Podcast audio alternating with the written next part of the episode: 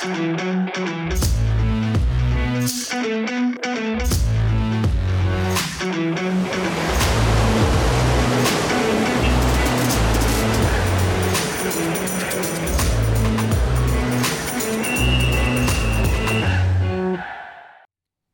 Pozdrav svima, dobrodošli u 148. izdanje e, podcasta pod kapisom koji će biti namenjeno trenerskoj struci s obzirom da je u nedelju održan e, seminar Waterpolo e, trenera kojim su predsedavali moji današnji gosti, predsednik asocijacije Dejan Jovović i sekretar Marko, Ivano, Marko Avramović, pardon, moja greška. E, pričat ćemo naravno o interesantnim temama koje je, je pratio seminar, pričat ćemo o onome što se e, tiče i budućnosti ovog sporta kada govorimo o, o struci, o, o nekim pojavama koje e, moram reći i nisu baš normalne kada govorimo o, o ovom sportu, ali nadam se da će vas sve ove teme zainteresovati i da ćete u narednih sat i po do dva e, uživati u, u, u jednom kvalitetnom razgovoru. Prvo, Uh, Dejane, Marko, niste prvi put ovde, Marko, izvini na ovom lapsusu, ne, ne, ne znam šta mi bi, ovaj, nadam se da, da, da ste, ovaj, da se ugodno osjećate ovde, ovo je sad već ovako postala vaša neka domaćinska atmosfera, niste prvi put obojica ovde. Tako je, pa evo, pozdrav tebi i pozdrav gledalcima podcasta, hvala ti na pozivu, tema je interesantna, mi se osjećamo što se kaže, ovaj, kao, kao u svojoj dnevnoj sobi, pa ćemo, eto, tako ćemo u nekom ovaj, prijateljskom tonu i razgovarati. Pa meni je drago da ona neka je saradnja o kojoj smo mi pričali poslednji put, pa je ti ja kad sam ja bio u podcastu, ovaj, da praktično ta saradnja sa ovim podcastom e, počinje da je, je ideja da imamo neke teme koje su bitne od opšteg značaja za Vatepol kao naš uh, nacionalni sport i najtrofejniji sport koji imamo u Republici Srbiji. I ja se nadam da je ovo samo prvi od većeg broja podcasta na tu temu. Pa bit će ovaj, koliko god želite, što se kaže, ovo vrata su otvorena i možemo da pričamo na, na temu Waterpola, teme su uvek neiscrpne i, i nadam se samo da, da sve ovo što radimo ovaj, doprinosi nekoj većoj zainteresovanosti i da slušaju oni koji odlučuju, to je, to je najvažnije. Ajde, ovo bojte sad neki, neki prvi utisak onoga što se dešavalo u nedelju da nekom širem auditorijumu pojasnite ovaj, e, šta je bila neka ideja, koliko je ljudi bilo, te neke operativne stvari koje, koje će da nas uvedu kasnije u priču. Evo prvo da, da održan je seminar, uh mhm. -huh. kao što smo rekli, najvi seminar udruženja vaterpolo trenera, prvi put posle, e, čini mi se, e, Tokija i 2000, posle olimpijske igara u Tokiju 2021. godine, imali smo znači jednu određenu pauzu i sada je želja da, da nastavimo, da ti seminari nam budu praksa na svakih nekoliko meseci, Tegu da zahvalim svim trenerima koji su došli, imali smo zaista veliki odziv od preko 120 trenera u situaciji kada su onako kalendare pričao s Gusmom, mi smo gledali koji bi to najbolji termin bio, pa su počinji pripreme i muške i ženske reprezentacije. Među vremenu se pojavi termin e, regionalne lige na, na domaćih, domać, domaćih klubova uh mhm. -huh. između sebe, otprilike to je neki sistem takmičenja, a eto, i, znači, pored tih stvari imali smo veliki broj trenera, ja bih im se zahvalio na, na dolasku, na prisustvu. E, želja nam je bila da okupimo trenere posle dužeg vremena da, da održimo jedan uh, u, u nizu, kao što sam rekao, stručnih seminara, uh, imamo, da im predstavimo naša ideja razmišljanja i pravce delovanja u budućnosti, koje, jedan deo smo tamo obradili, nastavit ćemo, nije, nije, nije bilo vremena, seminar je dugo trajao, to, taj prvi seminar posle dužeg vremena imali smo, imali smo nekoliko predavača, tačnije četiri predavača, jedan uvodni pravni deo, svemu tome ćemo razgovarati u budućnosti.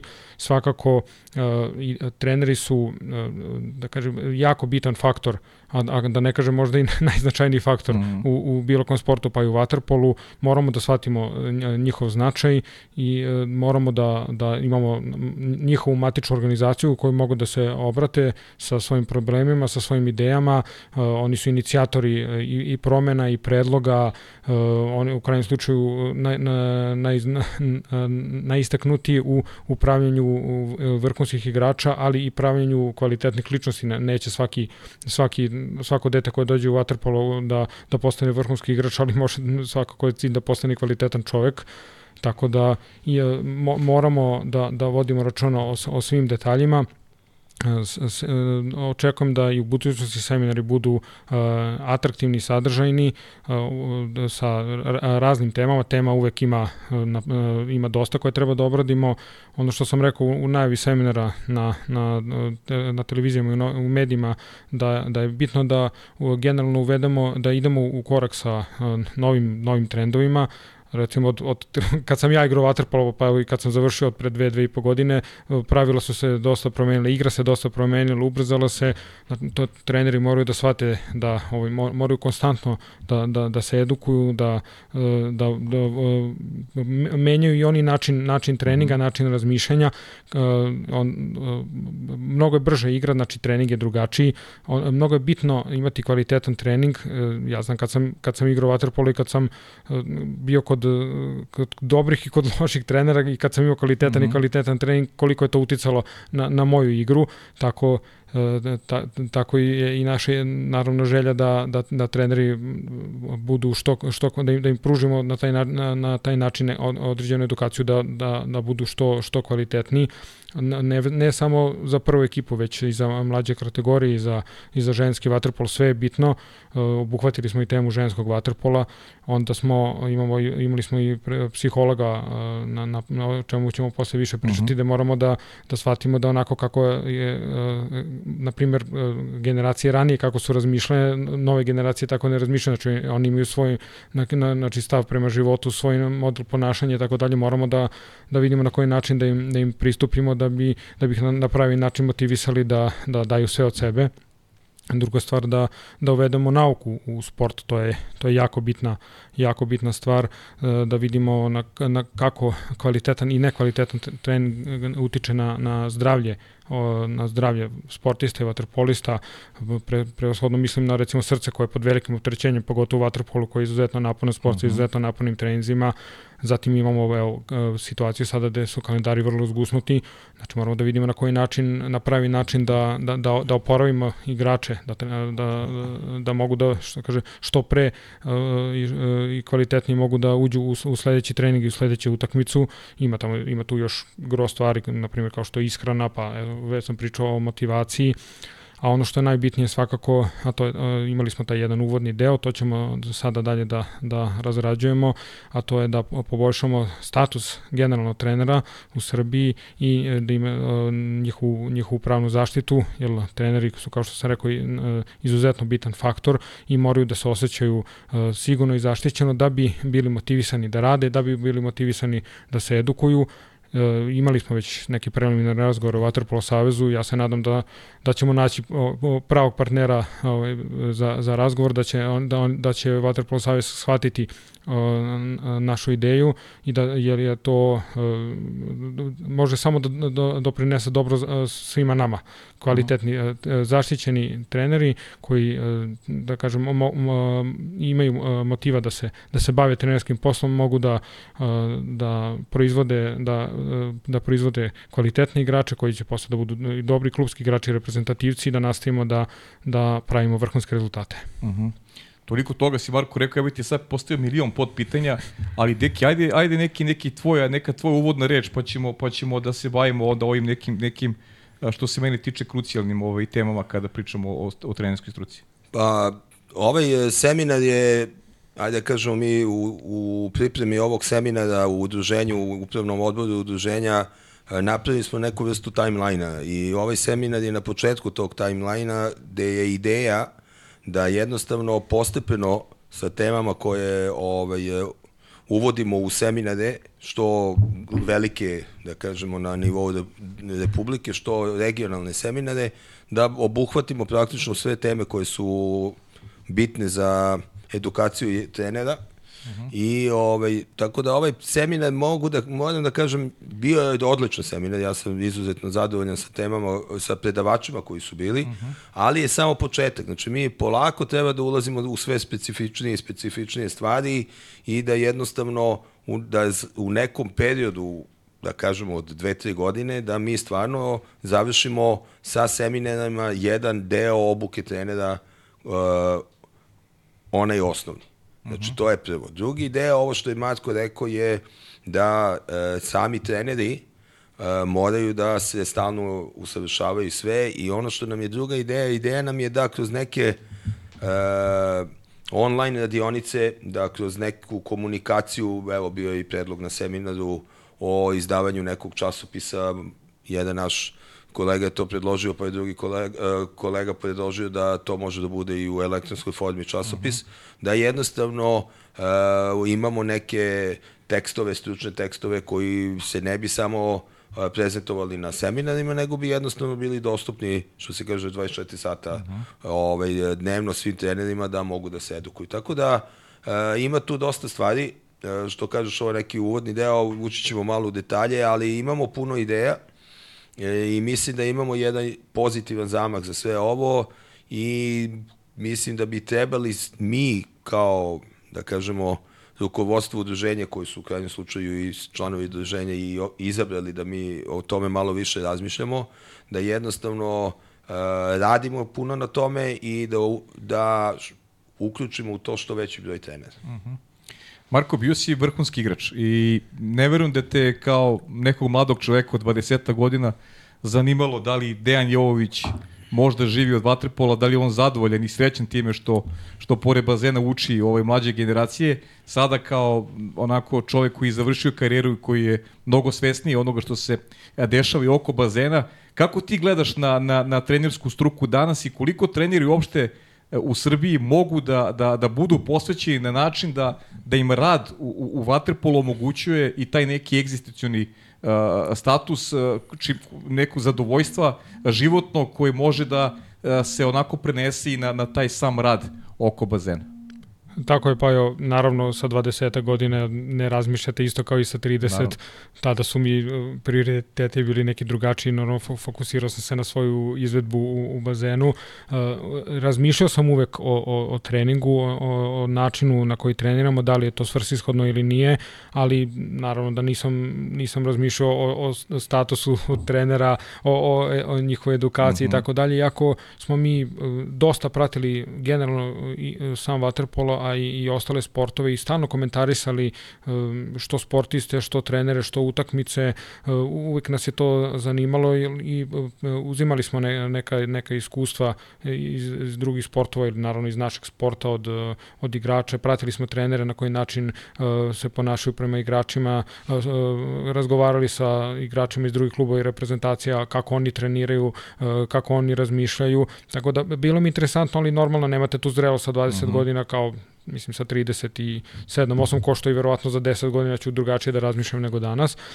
Uh, što se tiče trenera u Srbiji, naši treneri su, imamo dosta kvalitetnih trenera, rade trenutno i u Srbiji i u inostranstvu. Uh, ja bih naravno voleo da, da što više naših trenera radi, radi u, u Srbiji, da, da stvorimo takvu situaciju da, da, da vratimo što veći broj trenera iz inostranstva u zemlju. Naš, oni su cenjeni, prepoznatljivi i, i preko i u krajem slučaju zašto bi delili znanje drugima i drugi, drugim deci i drugim igračima ako to možemo nama. Naravno to zavisnosti od, zavisi od celokupne situacije. Takođe, što se tiče eto, tog materijalnog motiva, ne mogu da kažem, no, novca u Waterpolu čini mi se ima više nego što je to bilo kada sam ja. Mhm. Kada mhm. sam ja igrao, imamo ne, naravno finansijskih problema uvek postoji, ali ali u principu novca koliko vidim ima. Naravno klubovi se dovijaju uvek je uvek uvek fali.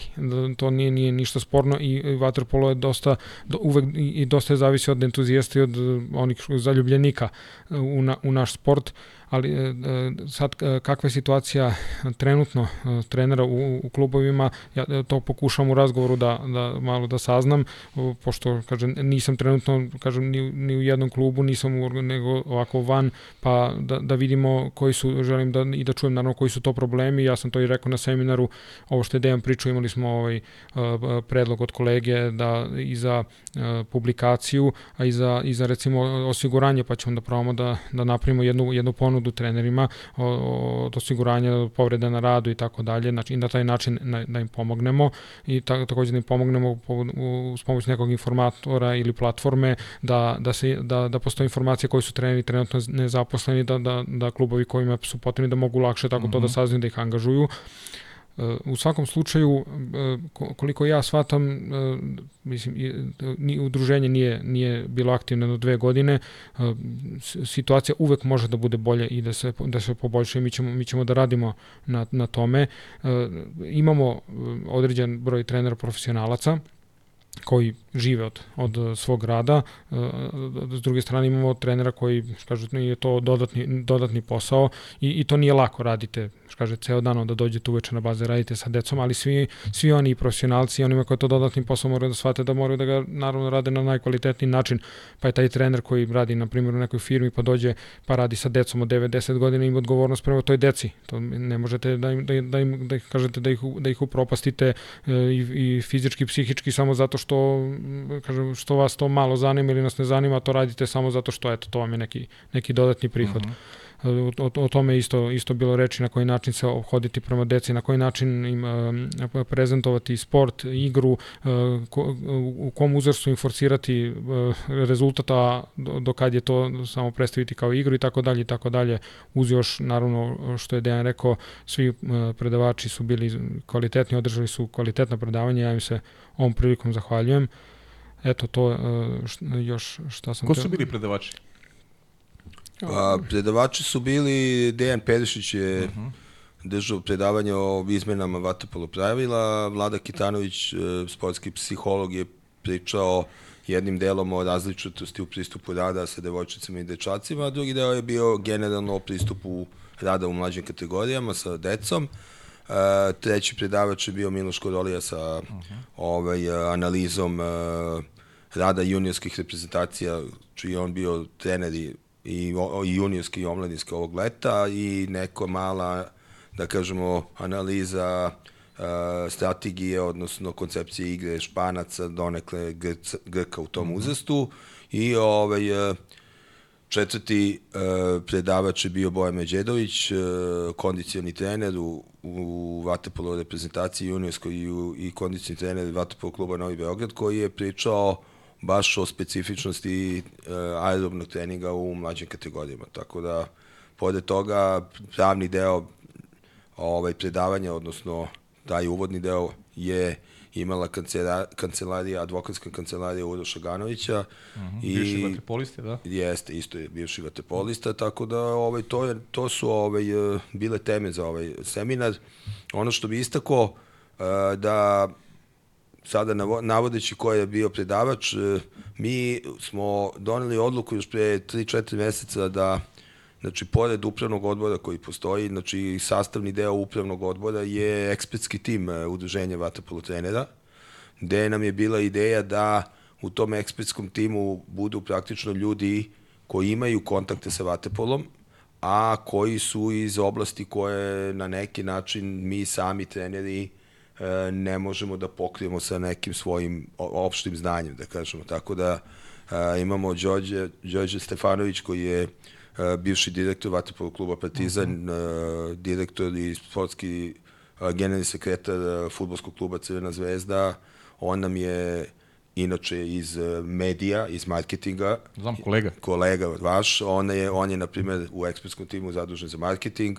Imamo profesorku Anu, Anu Gavrilović, koja je sa fakulteta za sport uh, Univerziteta Nikola Tesla, koja je praktično u tom timu za, uh, vezano za ovaj, e, školstvo, za edukaciju i imamo Uroša Ganovića, isto bivšeg vaterpolistu, koji je za pravno pitanje. Uh -huh. Tako da ovaj prvi seminar praktično je Uroš Ganović bio taj koji, koji imao svoj deo uh, predavanja. Naravno, za svaki seminar će neko od njih da ima, jer mi smatramo da uh, treneri, pogotovo treneri koji rade u nekim manjim sredinama, na manjim klubovima, uh, jednostavno su jedan motor tih klubova koji onda treba da imaju još šire znanje nego neki treneri koji rade u nekom velikom klubu u sistemu nekom gde, gde ipak za to postoje već neki ljudi u klubu. Mm -hmm. Tako da mislim i da na, idemo i ideja nam je da idemo i u tom smeru edukacije trenera. Mm -hmm.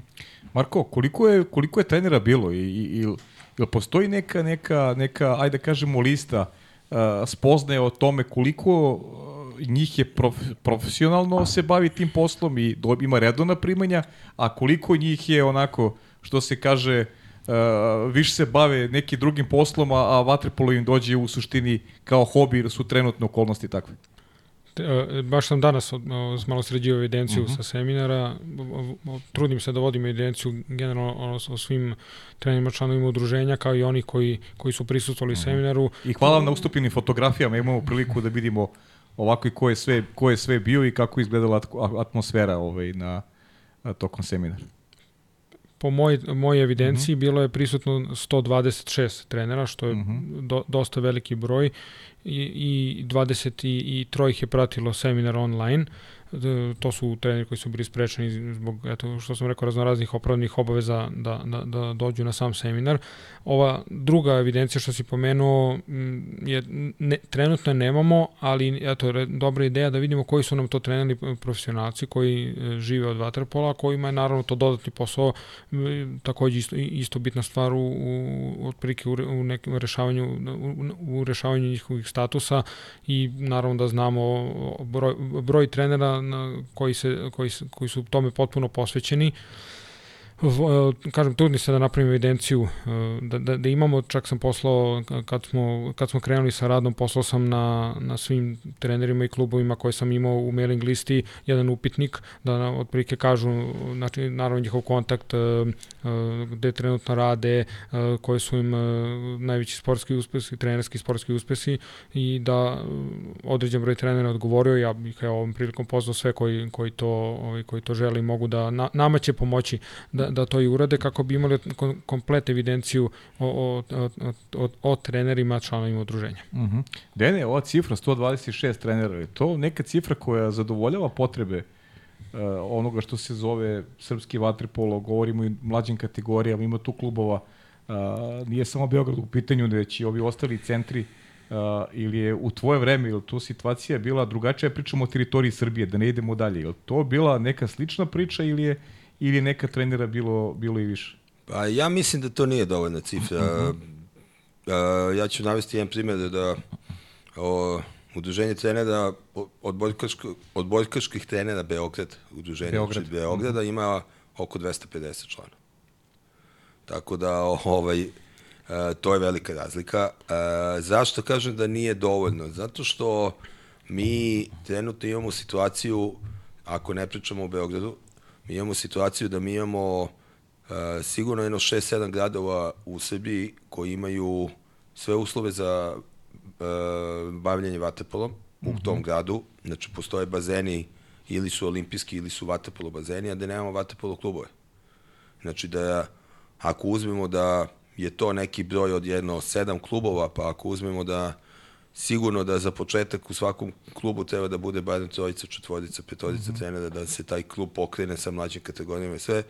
Znači, možemo da dođemo do toga da imamo jedno 50 mesta za koje, za koje nemamo kada. Eto, tako da um, nije, nis, nisam zadovoljan i lično mislim da pogotovo u zadnje vreme imamo uh, mnogo manji uh, mnogo manje interesovanje uh, mladih ljudi da, da počnu da se bave trenerskim pozivom.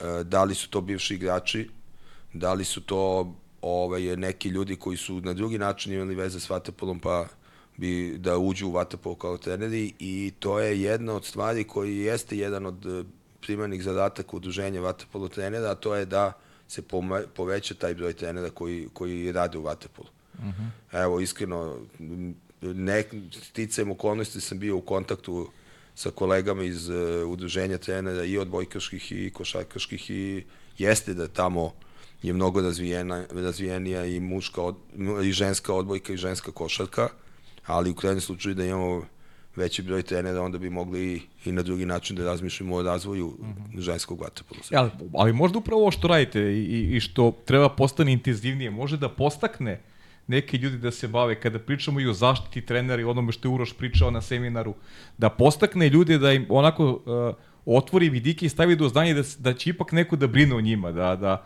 mogu da se posvete trenerskoj struci i da, da iz te neke sigurnosti crpe energiju za, za rad u, u onome što može da ih oblikuje kao, kao ajde da kažem, kao ljude, kao neku profesiju koja može ovaj, i, i, i njima negde da kreira neku, neku da kažem, ovaj, neko, neko zadovoljstvo u krajnjem slučaju. Pa sigurno, ali e, tu treba da po meni, ovaj, e, tu imamo dve grupe ljudi uh -huh. koji počinju da se bave trenerskim poslom, znači da gledamo na taj način. Znači to je, prva grupa ljudi su bivši igrači, uh -huh. znači koji su završili svoje vatepolo karijere i onda rešili da ostanu u vatepolu.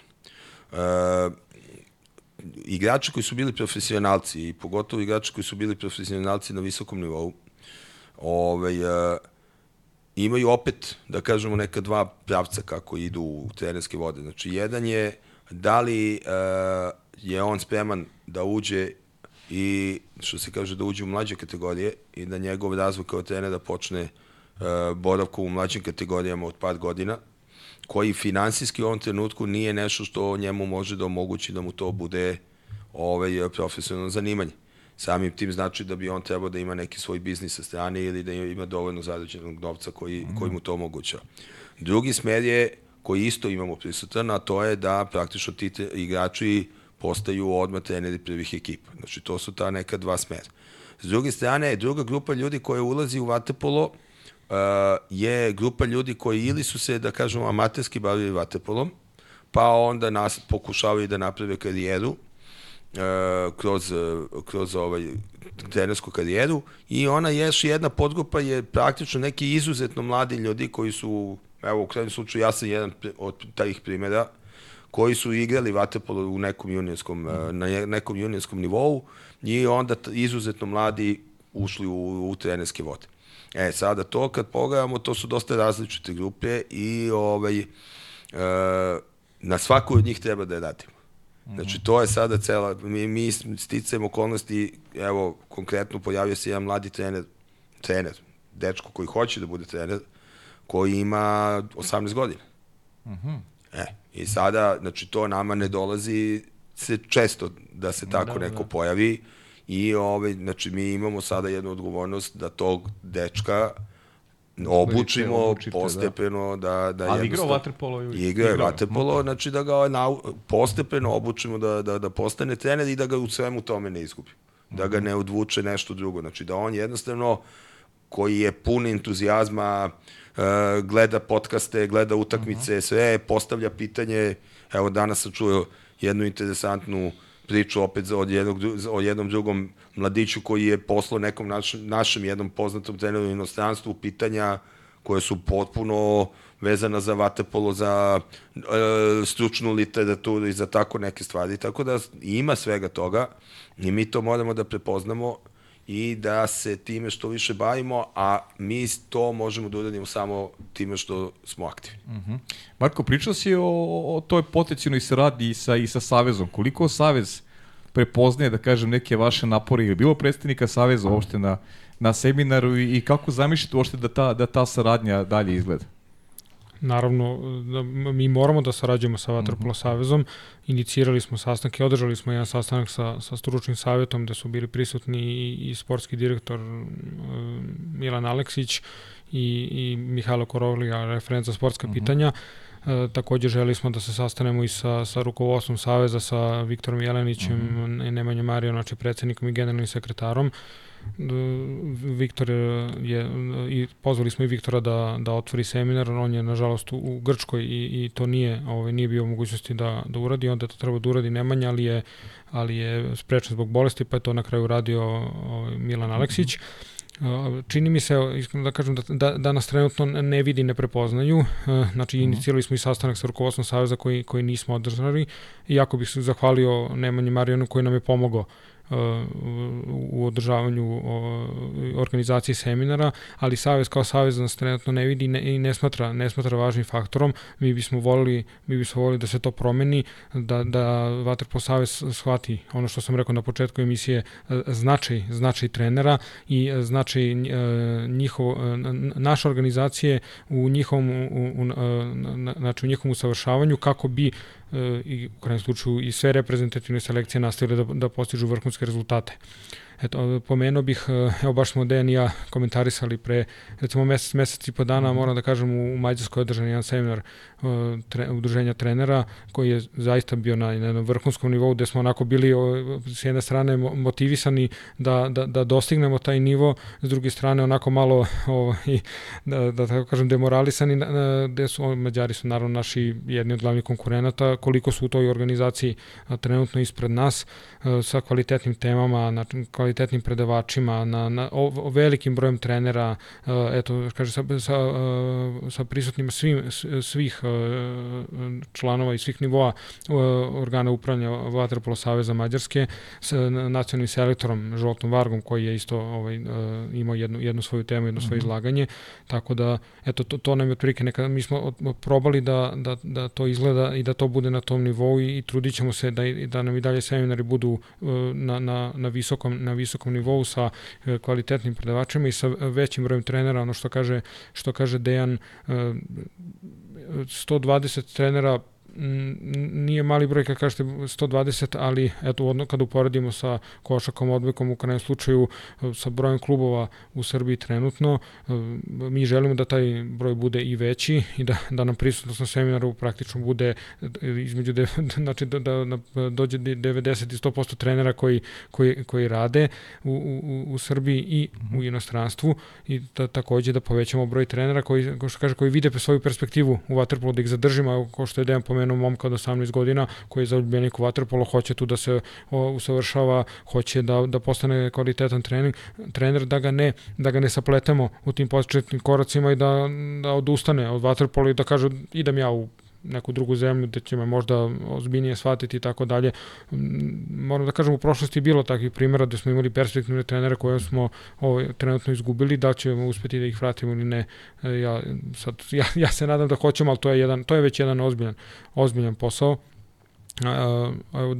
Dejan je pominjao baš i ovo vrhunske igrače koji postaju treneri prve ekipe i tako dalje. Imamo, imamo i primere na primjer, koji su se odlično snašli odmah, postavili vrhunske rezultate, imamo i one koji su se vrlo brzo potrošili, tako dalje. Ja, ja znam za primjer recimo E, Nikole Staminića koji je e, krenuo, koji je bio isto vrhunski igrač, reprezentativac e, i koji je krenuo da, da radi, znamo šta je Nikola Staminić, znači kao trenersko ime u Vatrpolu, koji je krenuo da radi u, u Partizanu sa neperspektivnim igračima, znači oni što, što nisu, nisu prošli selekciju i na taj način... O, otpadi po Tako, od... otpadcima, tako i na taj način se, na, na taj način se vežbo. Tako da svakako da je jedan trenerski put i trenerski razvoj zahteva određeno vreme, čak i Pa i odricanja dosta. Pa dosta, naravno, odricanja. E, mi e, uvek pričamo o tome, e, to, to je samo, samo ste u istom sportu. Znači, biti trener i biti igrač su dve različite stvari. Mm. Potpuno dve različite stvari. Ja, ja recimo,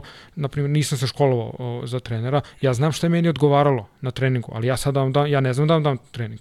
Razumete, uh mhm, -huh, znači, jasno, znači, da. znači ne, ne, i, i kad bi se došao na bazen, kad bi neko dao štopericu ruke, nisam, e, nisam siguran da, da bi to bilo ovaj, kvalitetno uh -huh. i svrsishodno. Uh -huh. da postoji, mislim, to je, to je nauka, postoje ljudi koji su se to školovali, e, doškolo, doškolovavali i uh -huh. ozbiljno bavili, na primjer, o kondicijom, pa taktikom, tehnikom, na, na, tehnikom plivanja i tako dalje i tako dalje. Tako da ima, ima, tu, ima tu dosta stvari, a imamo takođe jednu interesantnu stvar, a to je da za sve ovo vreme Waterpola u Srbiji imamo samo jednu knjigu o, koji je izdao neki naš trener, to je pokojni Maka, da. Maka tako je, e, što je, mislim, da kažemo, e, morali bi to da, da promenimo, evo, na primjer, evo, mi ćemo da probamo sa nekom publikacijom, ali evo, ja ovom prilikom, ako neko gleda, pozivam trenera sa bil, nekim, što kaže, većim iskustvom koji smatra da može nešto da stavi na papir, da, da nešto napiše, e, što bi pomoglo i, i ostalim trenerima, znači, jako je bitno da, da, da nam to, da to ostane, ono što kaže, u, u amanet ostalim generacijama, jer, mislim, mislim da, da imamo šta da kažemo i da imamo šta da napišemo i da, da bi to trebali i, i, i morali da radimo. Uh -huh.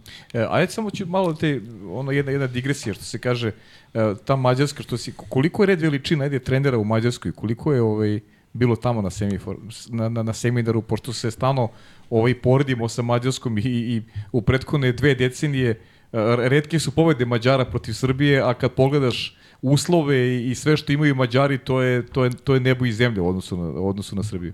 Pa evo, uh, moram pa da ti kažem, ja, kad sam igrao u Mađarskoj, uh, moj prvi utisak je da su naši treneri iznad njihovih trenera po mm -hmm. znanju i, i uh, oni su, ali oni su uh, i, i to se videlo... Pričamo o masovnosti, ne, ne, ne o znanju. Što se tiče, dobro, što se tiče masovnosti, čini mi se da je bilo oko 400 trenera. Da, da, to, to. Od, od prilike. Znači, ima veliki, tamo veliki broj trenera, veliki broj klubova, uh, svako selo ima bazen, vaterpolo je nacionalni sport. Organizacijono su Mađari uh, ispred nas, uvek i, i godinama ispred nas, uh, jednostavno, to, to, to je tako. Mi, ih, mi to nadomešćujemo kroz uh, kvalitetni stručni rad. Naši treneri su mm, kvalitetniji od njihovih, e, opet zašto je to tako, znači to i to je za neku dublju analizu. Imali smo e, vrhunske trenere i e, strategije u, u prošlosti koji su postavili neke temelje, Vlah Holis, Nena Manojlović, Nikola Staminić i tako dalje, gde se posle ove su se o, o, mlađe generacije nadograđivale i dok su Mađari su tu malo, da tako kažem, krući, oni -huh. u odnosu na, mi, malo smo mi znatiželjni, e, to, to nam je pozitivna, ovaj, pozitivna uh, strana. E sad, situacija se menja, jer oni su shvatili, mi smo ih jedno vreme pobeđivali na svim nivoima. I, e, I oni su sad shvatili šta treba da rade. Oni su forsirali jedan vat, napadački vaterpolo, što ono što mi se mi u šali, mi u šali kažemo swim and gun, ali bukvalno ono kao uh, vaterpolo NBA liga.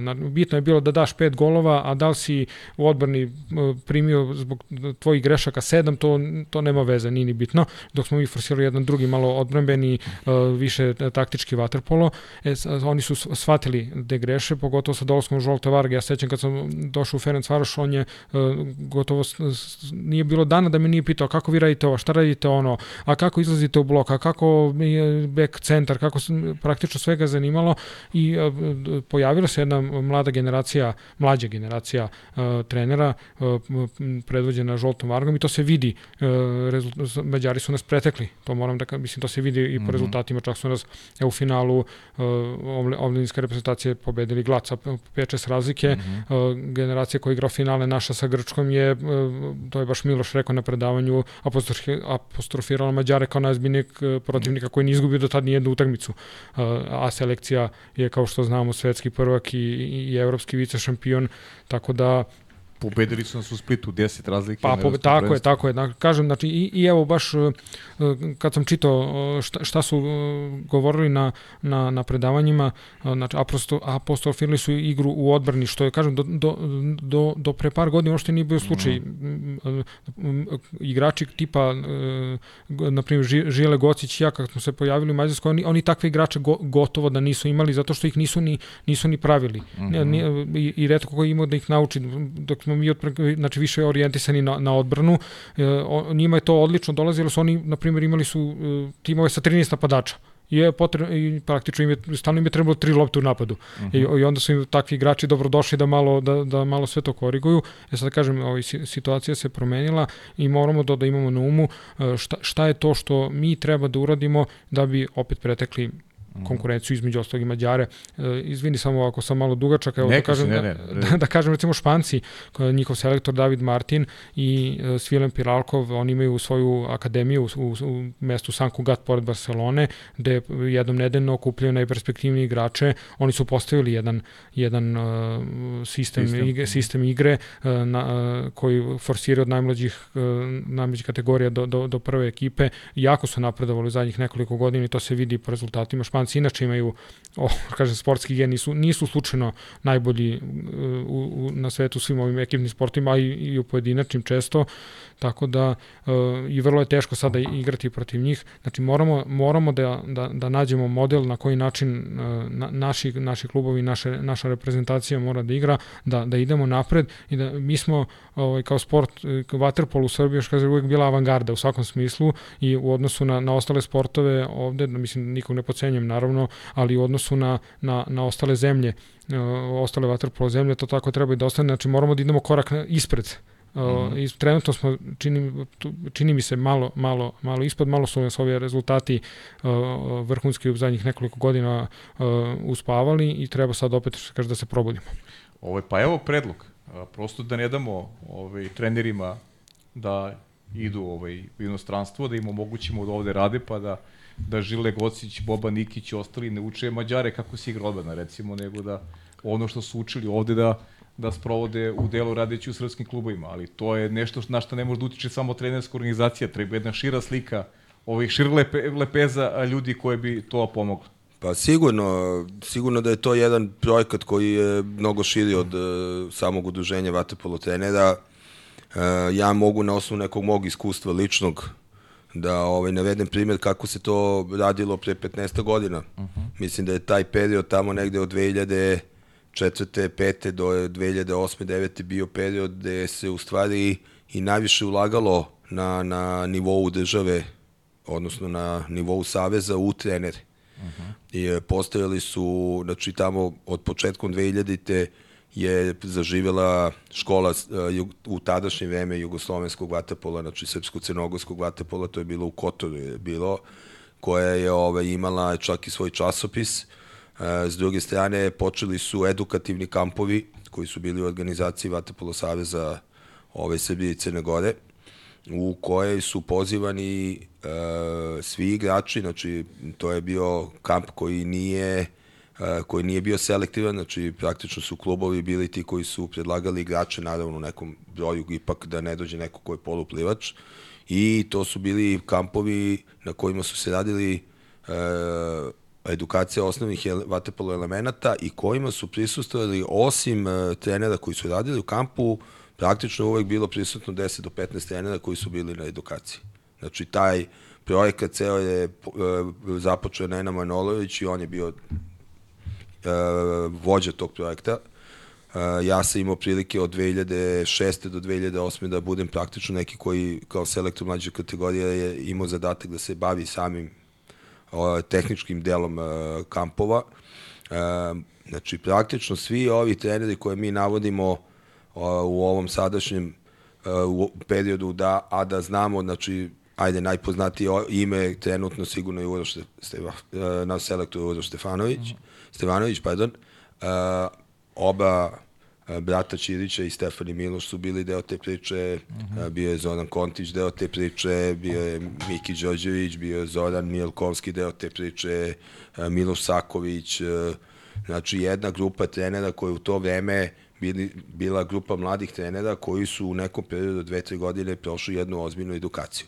Mm -hmm. e, nažalost, e, na, zbog nekih promena koje su posle toga bile i ovo što kaže Marko, možda malo guljuljkivanja rezultatima koji su toga mm nastupili uh, u seniorskom uh, vatepolu i tog nekog, uh, neke, kako kažem, jednog talasa na kome smo se mi nosili uh, ovaj, i u mlađim kategorijama na osnovu tih svih edukacija, jer to, to su bili kampovi koji su bili izuzetno ovaj, e, kvalitetno određeni. To su bili kampovi, na primjer, po pozicijama, imali smo kampove za golmane, kampove za bekove, za centre, znači stvarno je taj period bio opet i centri koji su Ubović, koji je izašao iz, te, iz tog e, neke te neke priče, na primjer jedan od centara. Ne mogu sad, ne bi volao imena, ima okay, puno imena koje bi mogo da navodim. Ovaj, i mi smo na tom talasu išli. E, nažalost, e, to je stalo i ne samo što je stalo, nego praktično i neki sistem e, organizacije unutar Saveza koji je funkcionisao i koji je omogućavao ovo što mi kažemo trenerima da budu u zemlji, time što je Savez na neki način preuzimo jedan deo troškova njihovog obaveza, da. Mhm. obaveza finansijskih obaveza i to je stalo. I ovaj, sada imamo jednu situaciju da praktično e, imamo e, trenere koji, koji su potpuno oslonjeni na, na klub uh -huh. i koji ovaj, kada su angažovani u Savezu su angažovani stvarno iz praktično jedne ljubavi ili nekog velikog motiva ako je neki mladi trener koji vidi tu sada svoju perspektivu u smislu upravljanja CV-a, pa će taj CV da, da mu omogući ovaj, e, da se negde u inostranstvu naplate. Eto, to je nažalost e, situacija. E, bio je pre jedno dve godine, sad ima dve godine, u nema dve godine, godine i po dana, bio je na jedan projekat koji nažalost nije prošao, gde je Vatapolo Savez imao ideju da dvojicu naših kvalitetnih, izuzetno kvalitetnih trenera, aj kažemo ne u napunu snage, da ovaj, veže da budu u Savezu, i da budu neka vrsta instruktora koji bi praktično bili ti koji bi radili edukaciju. E, nažalost, taj projekat nije zaživeo jer su treneri odabrali da idu da rade u klubovima. Uh -huh. e, ono što je meni krivo, jer je to bila dobra ideja, meni je krivo što jednostavno u tom momentu kada to nije realizovano sa tom dvojicom trenera, uh, nije se nalazi, nije se išlo u nalaženje drugog rešenja, uh mhm. -huh. nego jednostavno se to napustilo. Uh mhm. -huh. Ali mislim lično da uh, jedan vrhunski trener u naporno snage, ako ne je, ako nije u nekom klubu kao što, je, kao što su sada klubovi koji, koji mogu da iznesu finansijski njegov ugovor, a u interesu je da bude u zemlji, on mora da bude sistematski, znači, na ne, pokriven jednim delom i od krovne organizacije, pogotovo ako je u sistemu reprezentacije. A zašto su bili? To ne osjećaju sigurnost da, da će to nešto bude na duže staze ili ipak misli da je da je klubska karijera važnije ili Pa ne mislim, ne mislim da ima toga. Ja evo ja otvore, ja sam ja kad sam bio selektor uh, mlađih se ja sam to bio u dva navrata. Znači bio sam tamo 95. Mm -hmm. na 97, 24. na 97. i bio sam od 2006. do 2009. Uh, imao sam funkciju selektora svih juniorskih uh, kategorija. Tada je to tako bilo ovaj, uh, posle sistematizaciji. Uh, ja sam bio u Srbiji baš zato što sam imao ozbiljan ugovor sa Savezom i na to se vezivao ugovor sa klubom da ja nisam bio uh, u prvom planu kao trener seniorske ekipe. Ja sam u tom periodu jedne godine bio ovaj, uh, u, u drugoj ekipi Partizana, u ono vreme se zvao student i onda sam bio u Crvenoj zvezdi. Ali taj paket je meni omogućavao da ja ne razmišljam da idem napolje. Uh mhm, -huh. Mhm. E, to je sada, znači, uh, mi moramo da prepoznamo, uh, ok, jedno je da imamo selektora seniorske stacije koji opet po meni bi trebao bude profesionalac uh -huh. i da bude samo u Savezu, ko što u krajnjem slučaju do sada i bilo. Znači, mi imamo sad prvi put situaciju posle duže vremena on, da imamo od selektora koji je od kad je postao te, selektor i, i dalje u klubu. Uh -huh. Imali smo Dejana Savića koji je povremeno, ovaj, e, da kažemo, sa Savezom radio i u klubu, ali to nije bio stalan posao. E, I prvo to je, znači, Mislim da je to prva, stvar koju moramo da uradimo, a onda posle toga moramo da uradimo da možda imamo i dvojcu e, najozbiljnijih e, mladih trenera, da kažemo, na neki projekata koji, pored toga što su u Savezu i rade s junijskim selekcijama, oni rade i u klubovi. Uh mhm. -huh. Pa onda da uđemo u analizu da li oni treba da budu na mestima trenera prvih ekipa ili je bolje ako rade sa mladim selekcijama da budu u mlađim se, u kategorijama, a da to finansijski bude pokriveno. Mhm.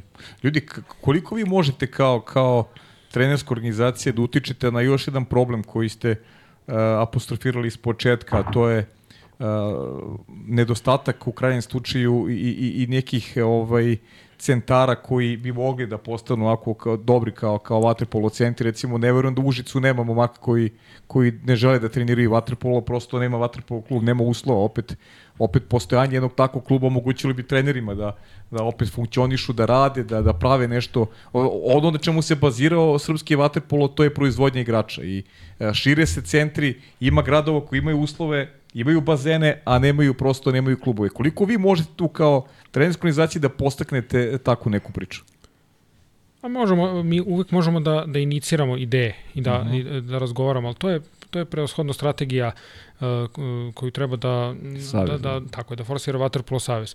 Znači, mi smo otvoreni za razgovor sa, sa Waterpolo Savezom u, u, svak, u, u, vezano za sve pravce razvoja Waterpolo u Srbiji. Na, naša nadležnost su prevashodno treneri e, i mi, bi, mi bismo volili da, da možemo, na primjer, da razgovaramo sa trenerima iz, eto, iz Užica i da nam, da nam oni kažu da, da e, zajedno sa njima vidimo na koji način možemo da, da, da unapredimo Waterpolo Užicu, ali kažem, to, to nije naša, nije naša nadležnost, mi, mi bismo to volili, mi, mi možemo da da, da, da iskoristimo kontakte sa trenerima da, koji, na primjer, dođu na seminar ili nam se obrate putem maila i telefonom, da, na primjer, opet zajednički iniciramo neki sastanak između lokalne samouprave koja, koja može da pomogne Vaterpolo klubu i Vaterpolo saveza, da bi bili prisutni i treneri i, i, i gde bismo opet predstavili neke ideje, značaj vaterpola u tom gradu i tako dalje, ali kažem, ta stvar je u nadležnosti Vaterpolo Saveza, mi, naša nadležnost su, su prevashodno treneri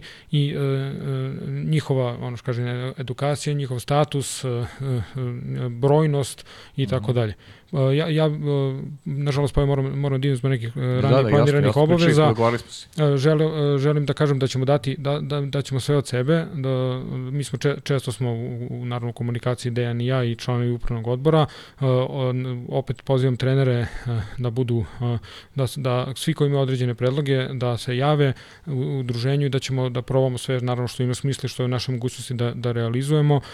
Samo i da kažem da mi je drago što su treneri aktivno učestvovali na seminaru sa svojim sugestijama i predlozima, što znači da su, da su došli i slušali, a ne samo, ovaj, barem velika većina njih, a ne, a ne samo reda radi se pojavili. Znači nije samo seminar, nego to je neki kontakt koji postoji i na dnevnom nivou. Tako, imamo da. svakodnevni, znači imamo mail adresu, imamo telefon, mogu nam se svakodnevno obratiti sa, sa svim s, onim predlozima koji, koji smatruju da, da, da možemo da im, da, da im pomognemo. Deki, interesantna je tema, svako pričali smo ti ja i, i ono vezano za Partizan kada si nedavno nedavno bio gost, jer e, generalno uslovi u kojima, kojima funkcioniše vaterpolo nije baš idealan. To, to moramo da naglasimo i to je nešto što dotiče i, i, i vas trenere. Cela ta priča oko Partizana je dovela do nekih novih pojava, manjka termina u Beogradu pogotovo, e, treneri se dovijaju, znam koliko im je koliko im je teško i opet i tu negde trpi ono što se, žo, što se zove trenerni proces. Pa sigurno, dotakli smo se teme uh, širine vaterpola u Srbiji. Znači, ono što je sigurno neophodnost vaterpola to je da, da ima širu bazu. Da bi imao širu bazu treba ima više trenera. Spominali smo Užice, Užice je grad koji su otvo, bazen su otvorili dva vaterpolo kluba revijalnom utakmicom Crvena zvezda i Radnički a nema posle toga vaterpolo kluba. Znači, nije bio plivački miting, pa nego da, je da. bio vaterpolo da. utakmica tadašnje dve najkvalitetnije ekipe u Srbiji. Tako da ovaj, ima tu dosta, dosta stvari. Ono što je Marko istako, znači mi kao udruženje trenera, eh, mi sebe vidimo u nekom normalnom uređenom sistemu. Mi sebe vidimo u stvari kao e, tehničkog e, saradnika ili servis e, Vatepolo Savezu mm -hmm. Srbije. To je, to je ono što je od prvog dana bila i ideja kad se išlo u, u osnivanje, ponovno osnivanje udruženja trenera.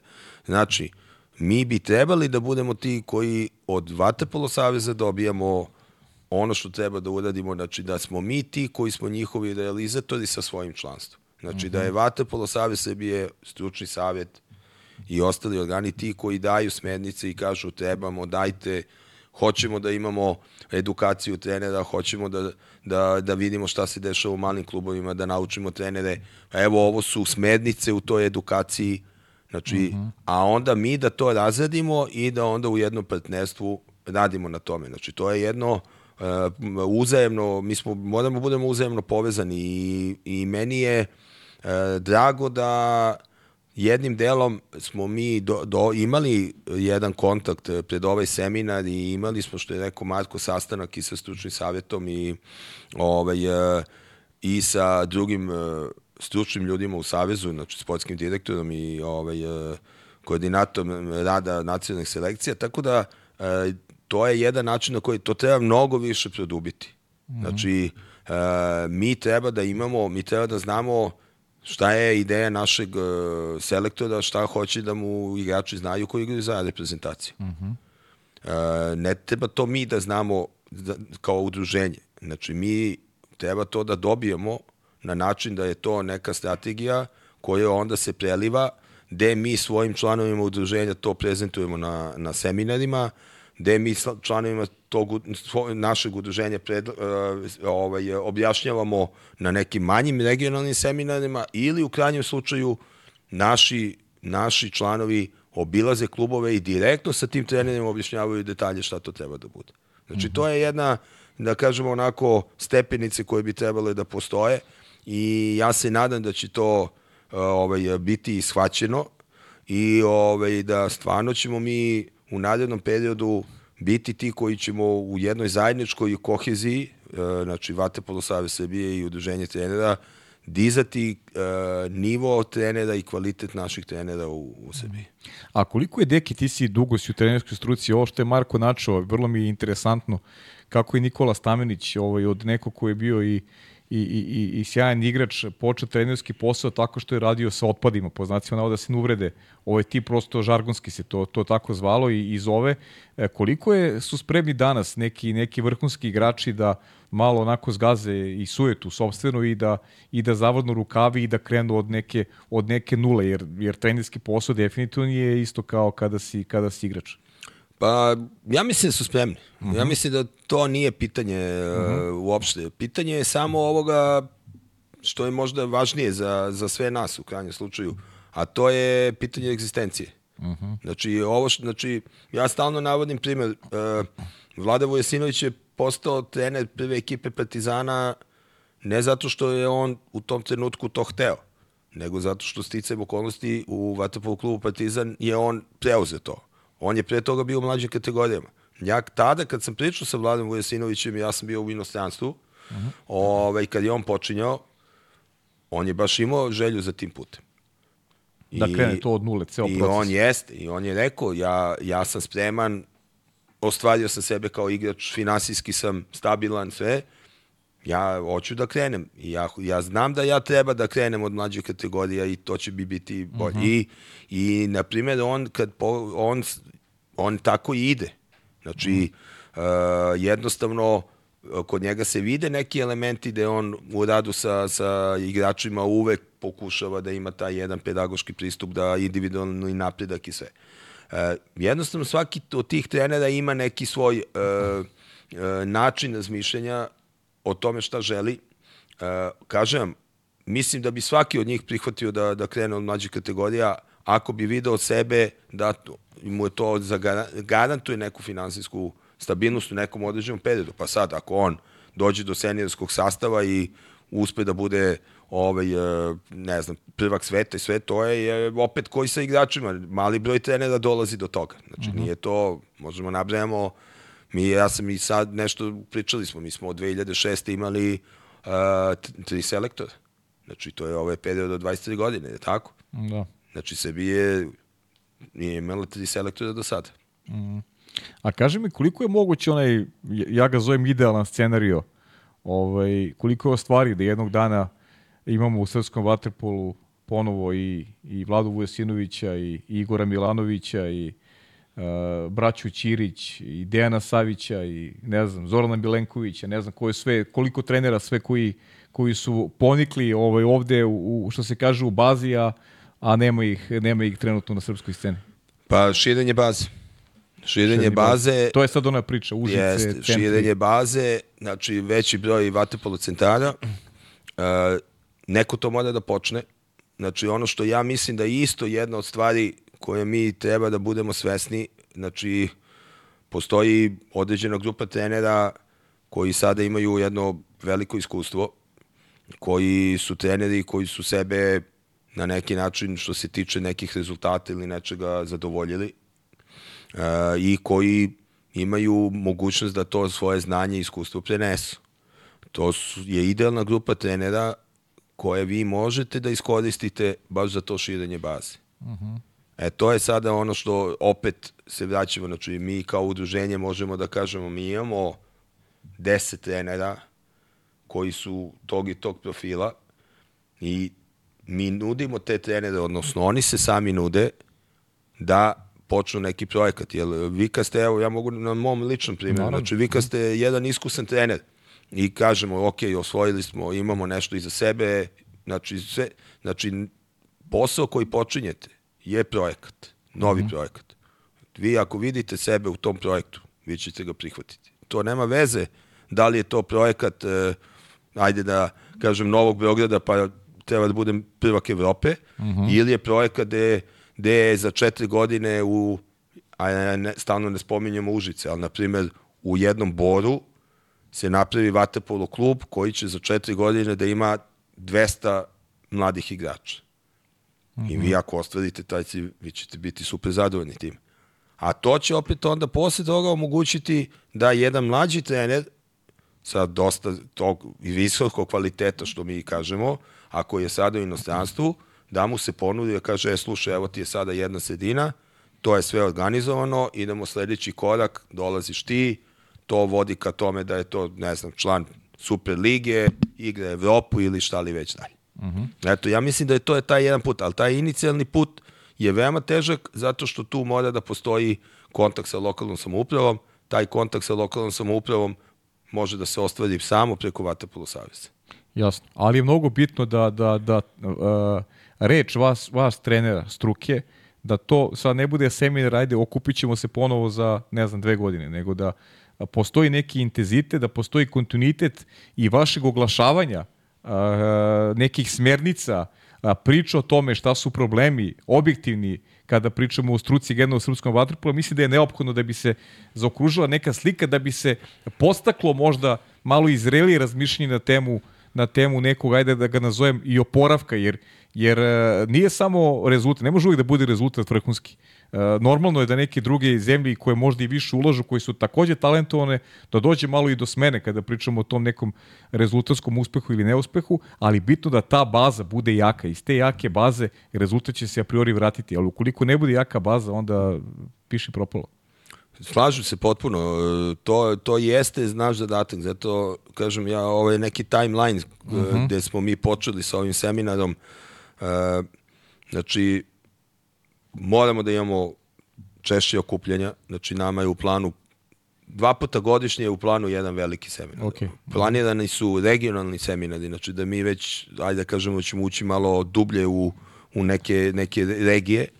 Uh, ono što nam je ideja ideja nam je da mi, to je od prvog dana ideja, da mi dođemo do toga da imamo mogućnost da imamo svoje opet, ja kažem svoje, svoje, svi mi članovi udruženja smo srpski treneri, znači da imamo yes. neke naše trenere koje mi možemo da ponudimo da, sa, da jednostavno im posao bude taj da po instrukcijama opet, znači opet po instrukcijama Vatepolo Saveza oni budu ti koji će obilaziti klubove. Uh mhm. -huh. I to da im bude posao taj trener mora da ima znanje i mora da ima iskustvo za to. Jer onda on može da prenese. Znači, i da vidi sebe u tome u nekom dužem periodu. Mm, -hmm, Opet, ja vam kažem, to, to je dosta, dosta duboko. E, s druge strane, šta mi moramo kao udruženje, odnosno naši članovi da prikažu, naši članovi moraju da prikažu da su stvarno spremni za napredak, za edukaciju i sve i zato je uh, ono što mi stalno insistiramo to je da budu prisutni na seminarima, da se edukuju, da ako uspemo da uđemo u sistem licenciranja godišnjih, budu praktično u obavezi ozbiljne edukacije, jer onda smo mi, postajemo jedan ozbiljan partner Vatapolu Savezu, gde mi možemo s punim pravom da stanemo iza nekog imena trenera i kažemo on je prolazi edukaciju, naučio je, zna, ima, ima iskustvo i sve. Znači, to je sve povezano. Na osnovu svega toga, mi dolazimo do toga da onda kažemo, ali u redu, sve je ovo ok, ajmo da vidimo kakav nam je status trenera. Ajmo da regulišemo pravno, ajmo da regulišemo ovo što je bila priča, uh, da li svi treneri imaju ugovore, mhm. što je u današnje vreme Uh, mislim da je sasvim normalna stvar. Ako živimo u jednoj pravnoj državi, uh mhm. -huh. normalno je ako obavljaš neku delatnost da imaš nešto na papiru na osnovu čega si plaćen, je tako? Znači, da imamo to, da imamo jednostavno da, da sve to ide ka jednom mnogo, mnogo organizovanijem, e, u mnogo, mnogo organizovanijem smeru i da rezultat, finalizacija svega toga bude da mi možemo da razvijamo, znači da imamo e, snagu da razvijamo ono šta god hoćemo, znači po, -huh. po, u vaterpolu. Uh -huh. Kaži mi, Diki, kakva je situacija sa ženskim vaterpolom ili, ti, ili sa, sa trenerskom strukom? Ili ima, ili ima devojaka koje se, koje se bave tim poslom i koliko generalno trenera imamo danas koji se bave, koji se bave ženskim vaterpolom?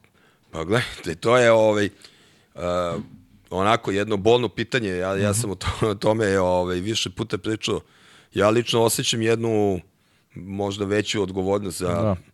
za ovaj, uh, ajde da kažem, ne dobro stanje ženskog vaterpola. Zašto to kažem? Ne na osnovu toga da li sam, kako sam ja radio, nego jednostavno ja sa sticam okolnosti e, bio deo neke priče o ženskom vatepolu u prošlosti, tamo negde opet to kad sam bio selekt, ovaj, e, selektor junijskih reprezentacija i bio sam član stručnog saveta i onda po tom nekom uh, klasifikaciji meni je pripadalo i oko uh, da se brinemo ženama. Uh -huh. I ja znam da je početak, da je ženski vatepolo kao projekat u, u, onoj staroj Jugoslaviji, odnosno uh, skraćenoj Jugoslaviji i Srbiji i Crne Gori, to je uvek počinjeno. To je svaki, ja mislim da je bilo jedno 5-6 nekih početaka.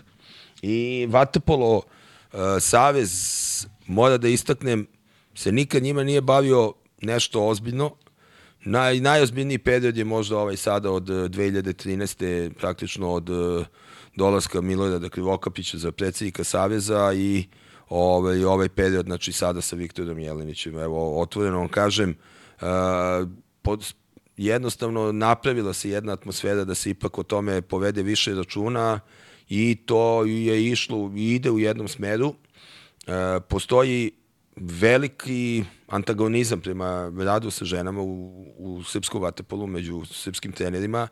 Uvećava se broj devojaka koji su treneri i u krajnjem slučaju naša dva vodeća, odnosno ne dva, sada praktično sve klubove koliko ja znam, možda izuzetak dva, tri kluba i vode ženski treneri, mm -hmm. ali naša dva vodeća kluba su treneri da, Dragana, da. jeste Dragana Ivković, Slađa Drezgić, tako da ovaj, e, e, ima devojaka, Međutim, mi stvarno imamo problem da neko prihvati da radi u ženskom vatepolu. -huh. Ja to znam i nažalost e, mi koji smo bili u ženskom vatepolu kao muškarci, a da mi smo na odgovornim funkcijama bili, znači i počeo od Ace Krstonešića, pa ne znam, e, Zoki Kontić, Uroš Stevanović je bio... Uroš je radio, jeste. Uroš da. je radio jedno vreme sa ženama, uh, pa posle toga je bio Novica Tedosijević, pa uh, Miloš Bradić, pa Vlada Bajković koji je bio četiri godine. Neko si zaboravio bio prošle, koga si baš bio zaboravio? Uh, Novicu, Novicu, Novicu se zaboravio na seminaru. Evo sada, izvini Novice. Ove, tako da, pa sam ja nešto kratko bio, jednostavno, ovaj, ima problema Evo, ja to znam. Znači, pitanje, to sam rekao na seminaru. Znači, ako Vatapolo Savez kao zvanično pita neki klub da pusti trenera da ide u, na pripreme neke muške selekcije, on će biti pušten. Ako pita za neku, neku žensku, dešava se da ne bude pušten. Mhm. -huh. Znači, jednostavno nismo još, nismo još ovaj, ni blizu toga da budemo, ja lično smatram ozbiljni, a to nam je potrebno podhitno, jer mislim da u ovom novom svetu gde, gde ženski sport je potpuno postao ravnopravno muškom, da mi stvarno nemamo luksus da, da ne budemo ozbiljni sa ženskim vatepolom. I ja se nadam da u vreme koje dolazi da ovaj će ženski vatepolo da bude sve zastupljeniji. Za to su potrebni, opet se vraćamo na to, potrebni su uslovi, ali u krajnjem slučaju ovo što smo pričali, ako mi imamo 7-8 gradova bez vatepolo klubova po sebi, pa može jedan od, od tih projekata da bude da u tim gradovima i počne ženski vatepolo. Uh mhm. -huh. Ženski rukomet se ne igra u Beogradu, ženski rukomet se igra van da, Beograda. Da, u, da, uglavnom. Uglavnom. Da. Ako gledamo neke rezultate i, i da, broj klubova, da. tako je. Tako da ima tu velikog prostora i ja mislim da time treba da se ozbiljno pozabavimo. Uh mhm. -huh. A pazi, to je malo čudno iz, iz perspektive struke, jer koliko treneri ovde sedelo i reklo da mu čak i zahvalnije bilo raditi sa, sa devojkama, jer e, kad kažeš devojci šta treba da uradi, ona to uradi i nema nekog, nema pogovora, disciplinovanije su, uh, dobro i kapiraju uh, zahteve treninga, tako da, ali to je manje više učinak ljudi, reakcije ljudi koji su radili u ženskom vatru. Pa jeste, ali ne, nismo imali taj transfer uh, informacija, što se kaže. Uh mhm. -huh. Nije to bio veliki broj ljudi, nažalost, ali nismo imali taj transfer informacija. I ovo što je na, začeto na ovom seminaru sa, ovom, sa ovim predavanjem koji imao Vlada Kitanović o toj razli, to je ta, bila ideja. Uh -huh. uh, nama je ideja da u nekom periodu od par seminara približimo kompletno rad sa devojkama svim našim trenerima. Uh -huh. Znači, ovo je bilo jedan psihološki aspekt Znači, naredne ideje na narednim seminarima da mi imamo baš to. Da imamo trenere koji rade ili koji su radili u ženskom vatepolu i koji prenose svoje znanje. Da mhm. jednostavno shvatimo gde su tu različitosti i da u stvari mi kod treneri možemo bez problema da se adaptiramo na to. Da, koliko ćemo biti uspešni, to je drugo. Ali da možemo da radimo, možemo sigurno da radimo. Uh mhm. -huh. Deki, ovaj, ili ima nešto još što je važno da mi kažeš sa seminara, pošto ima ovde i pitanja koja bih ti postavio, koje su naši, naši gledalci ovaj, slali, naravno i naša Aleksandra, ili ima nešto važno što, što sam možda propustio da te pitam, a, a bitno ti je da istakneš sa samog seminara? Pa ja bi istakao, ja bi se zahvalio, znači mi, mi ovaj, u ovom periodu smo odradili dosta posla. Uh -huh. uh, mislim da od kako je izabrano novo rukovodstvo udruženja da stvarno je došlo do jedne nove inicijative. Uh, opet istaknu bi, kao što sam istakao i na seminaru, znači 2018. kad je udruženje ponovo aktivirano ili registrovano ponovo, gde smo inicijatori bili Vlada Bajković, Dejan Savić i ja, realno je Dejan Savić pet godina ozbiljno vukao mm -hmm. ovaj, uh -huh. ozbiljno okay. vukao uh, udruženje uh, sa Tomicom Stojanovićem kao sekretarom i ovaj i tu energiju koju on uložio u to pored svih ovih svojih selektorskih obaveza njima stvarno trebamo biti zahvalan i ja se nadam da Dejan Savić kad se bude vratio u, u zemlju da da će se vratiti sa novom energijom što se tiče udruženja i da, da ponovo bude onako aktivan kao što je bio. Uh, s druge strane, voleo bi da naši članovi prepoznaju da su se neke da se neke stvari pozitivno dešavaju i da sami ti što to prepoznaju da se oni što više uključe. Znači, mi smo malo nacija koja uvek voli da kritikuje. Manje više, da. Manje više i to je potpuno okej. Okay. Ali e, lepo je kada imate neku kritiku pozitivnu, odnosno da neko ko daje kritiku da, da se uključi u krajnjem slučaju i rešavanje tih kritika koje je spomenuo. Ako se to bude desilo, ja, ja bi bio presvećan i ovaj, to bi značilo da, će, da bi mi išli onda u jednom uh, pravom smeru i da bi bili sve uspešniji i uspešniji. Uh mhm. -huh. Dobro. To je, to je to, a? Ili pa imamo... da, to je to, da. Dobro.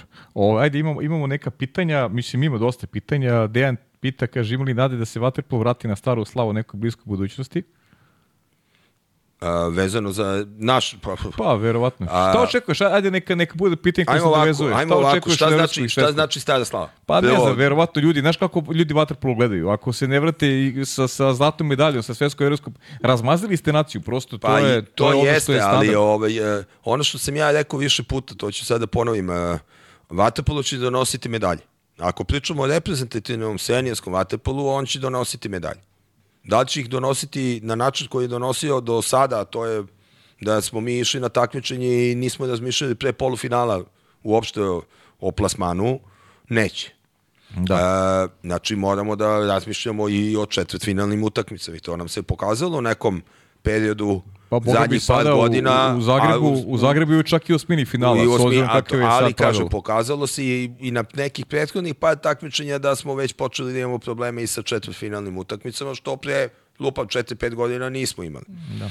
E, znači, to je jedna stvar. Naš klubski vatepolo po meni ovaj, u ovom trenutku nema loše pozicije, ali mislim da srazmjerno ulaganjima koje su u klubovima u ovom trenutku, u finansijskim ulaganjima, da nam fali finalni proizvod, a to je ovo što se ja lično nadam i što bi izuzetno voleo, a to je da, na primjer, ove godine Novi Beograd osvoji kup šampiona. Da. Jel bi to onda bila potvrda da to sve što se ulaže u Vatepolo na klubskom nivou stvarno donosi na kraju taj vrhunski rezultat što bi opet bilo dobro za ostale mhm. klubove mm -hmm. u krajnjem smislu da imaju viziju da mogu to da urade. Uh, mlađe kategorije nama donose medalje i dalje. Ja mislim da praktično svake godine sad imamo da neka mlađa selekcija uzme medalju. Uh, opet, nekad smo bili izuzetno dominantni, pa smo sa svih takmičenja mlađe kategorije dolazili sa zlatnim medaljama, sada to opet nije. Ali nismo mi otišli i postali drugorazredna vatepolo zemlja pa da, da razmišljamo da ćemo da imamo uspeha. Ne, imaćemo ga sigurno i imamo ga i u ovom trenutku. Uh -huh. uh, evo sad ima nekih interesantnih uh, pitanja. Uh, ima li pomoć udruženja trenera neko od VSS? To smo rekli. Dakle, za sada neka saradnja preterana pa, gled, ne postoji. Gledajte, uh, ajmo ovako, znači, da, da, da idemo, znači, ipak Vatepolo udruženje neki period od 21. nije imalo neke mhm. aktivnosti. -huh s druge strane, mi jesmo imali sastanke, mi mislimo da to može bude na mnogo boljem nivou i mi to sugerišemo. Da li ćemo biti prepoznati na jednom boljem nivou i višem nivou, to stvarno zavisi od Vatepolo saveza. Uh -huh. e, kaže, kada će stariji, to je iskustiti treneri, držati teorijsko-praktičnu edukaciju na bazenu mlađim trenerima? Pa to je ovo što, smo, što sam spomenuo, da, da jednostavno postoji grupa trenera koju treba iskoristiti. Uh -huh. Znači, koja nema, ne mora trener koji ima 30 godina iskustva da bude samo prvi trener u ekipi. Uh -huh. u neko, o, trener prve ekipe, ne prvi trener u ekipi, izvinite. Uh -huh. Znači, ne mora da bude trener prve ekipe u tom klubu, on može da bude i neko ko će se baviti edukacijom tih trenera u klubu. Znači, e, ako već navodimo neke titule, e, na primjer šef stručnog štaba u nekom klubu, ne znači da je on samo posvećen prvoj ekipi, to znači da bi treba voditi računa o celom klubu, uh -huh. celom stručnom radu u klubu. Ili neki sportski direktor. Uh -huh. Samim tim treba bi da se bavi trenerima. Uh -huh. Uh, kaže, zašto deca koje studiraju i igraju u Sjedinim američkim državama uh, se na njih, Srbija na njih ne računa, a računaju uh, uh, se, uh, a susedi uh, ovaj, koriste tu decu u, u represivnim selekcijama? Preposljedno mislim da na Hrvatsku i na Crnogoru. Pa i na Grčku, da. Evo I sad je, da, da, da, imamo situaciju da je igrač koji je osvojio NCAA titulu sada, sa ovaj uh, sa ja mislim da je California University da, nisam siguran vidio sam da, ni, da, vidio sam to Waterpolo da. Marko je to objavljivao nisam uh, ali on je Grk i on je sad na spisku grčke reprezentacije za za ove evropsko prvenstvo uh -huh. uh, pa to je jedno pitanje koje koje je opet više pitanje za neki stručni savjet. Uh -huh. Evo otvoreno kažem da treba da imamo uvid, treba da imamo. Ja sam sticam okolnosti, moj prijatelj uh, Đorđe Stefanović se time više bavio, on je izvukao da mi imamo preko 50 igrača, vatepolo igrača koji studiraju u Americi. Da, o tome to je jedan ogroman broj. E, znači, sam moment e, da mi njih okupimo i da napravimo neki uvid u njihov kvalitet bi bio interesantan, a sad mm. na tome treba raditi. Si već kod Đoleta, ja se Đoleta dogovorio neki podcast vezan za tu temu, ali morat ću ga podsjetiti ovaj, Nije mi sjavio tokom leta. Kritika, kritika, kritika, na, kritika, na, na da, da. račun. Ovaj, uh, interesantno, kaže, uh, uh, evo, i ovo je jedno pitanje dobro, opet, opet je više za klubove, nije za, nije za, za trenersku struku. Zašto nam dolaze, uh, ne znam, Gruzici, Litvanci igraju u našim klubovima, uzimaju mesta našoj djeci, da li je to taj kvalitet koji može da pospeši ovaj, klubski neki kvalitet? Pa dobro, ja bi tu ja bi tu stavio ovako. Uh, evo, stavit ću na primjer uh, Vatepolo kluba Partizan 80. godina. Evo, na, na taj primjer uh -huh. ću mhm. staviti. Znači, to je vreme kada se formirala škola Vatepolo, o, Vatepolo, Partizanova Vatepolo škola.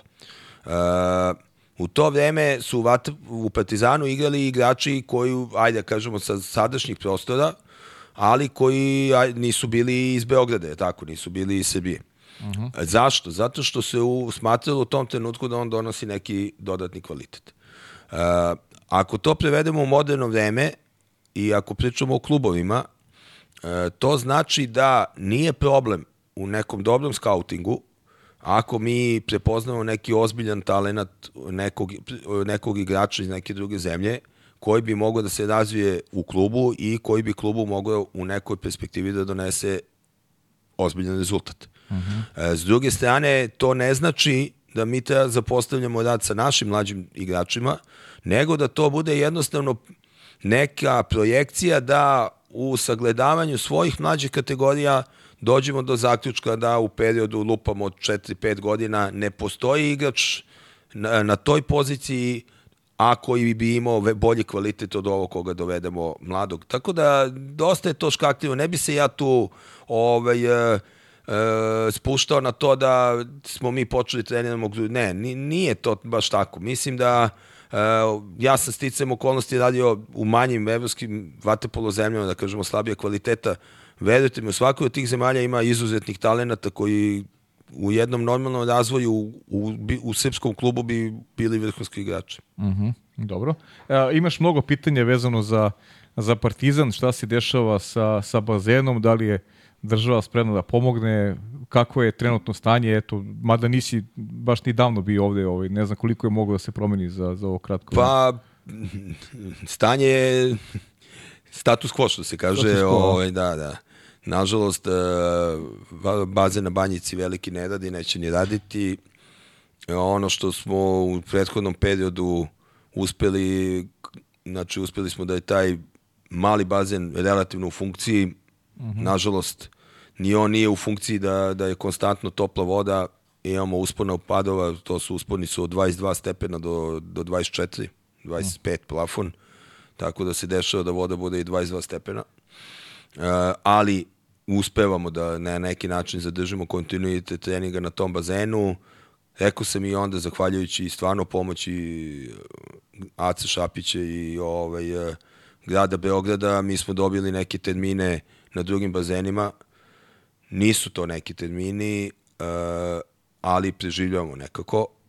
Sada ono što je novo je da bi mi, ja mislim da već ovaj podcast, on sutra je sutra, tako, da. sutra. Pa ja mislim, eto da kažem, od vikenda bi trebalo da dobijemo neki veći broj termina ovaj, u Košutnjaku pod balonom koji bi bili praktično ovaj, nešto što smo sami kao klub završili i finansirat ćemo i mislim da sve to bi trebalo da dovede do toga da ipak imamo koliko toliko jedne kvalitetne, relativno kvalitetne uslove za rad. Mhm. -huh. Ima neka pitanja ovde, ajde da, da ne šimo priču o Partizanu, ovaj, kad bude delo nekih noviteta, naravno ćemo da se, da se okupimo ponovo. Kaže, koliko se treneri baje pedagoškim radom, na koje načine i ovaj, sad priča o tome koliko jedan pogrešan savet može da, da promeni ovaj, karijeru, koliko je to osjetljivo i, i onako pipljiva ovaj kategorija, naravno. Pa mislim da na osnovu nekog mog, aj kažem, dugogodišnjeg iskustva, uh, drugačije je sada potpuno. Mislim da su roditelji pre nekih 20 ili 30 godina imali mnogo više poverenja u trenere kada, kada dove, ostave dete u klubu. Uh -huh. e, nažalost, mislim da zbog svega što se umeđu vremenu izdešavalo i promena i svega u svetu, mislim da su roditelji sada mnogo, mnogo, mnogo više vezani za svoju decu u tom delu nego što su bili ranije. I da zbog te vezanosti e, mnogo više i mnogo češće ocenjuju e, rad e, drugih ljudi sa njihovom decom. Tu sad ne bi se vezao samo za sport i za trenere, čak mogu da kažem i u školi, učitelji, nastavnici, profesori. To je sve pod mnogo većom lupom. Ja, evo iskreno vam kažem, ja imam dve čerke, jedna je 26 godina, jedna je sada 10 i mogu da vidim veliku razliku u načina razmišljanja roditelja kad mi je čerka bila u četvrti razred osnovne škole, uh mhm. -huh. starija, i kada mi je ova mlađa sada četvrti razred. Koliko, je tu, koliko su ti nastavnici pod većom lupom toga šta rade, kako rade, zašto rade, nego što je to bilo ranije. Pritiska roditelja i svega Pa pritisak, mislim da jednostavno neke veće vezanosti. Uh. -huh. Evo, ne, znači samo to, bu, bu, bukvalno mislim da je to jedna veća povezanost i veća vezanost roditelja sa decom danas nego što je bila pre, pre 20 godina. Da je jednostavno to bilo na neki način mnogo lakše ranije. Uh. -huh. I veliko je poverenje bilo roditelja kada dovedu dete u klub, u tog trenera koji ih trenira, nije bilo tu tako brzih analiza, tako čestih analiza šta se dešava. Imali ste situacije da je jedini kontakt roditelja sa, sa praktično detetom i bavljanjem sporta bio taj što ga dovede na, na bazen, odvede sa treninga, pa čak su mnogo mlađi i počinjali da dolaze sami i kad dođe na utakmicu. Ima roditelja koji čak nisu dolazili na sve utakmice, nego dođu na, ne znam, finalnu utakmicu sa.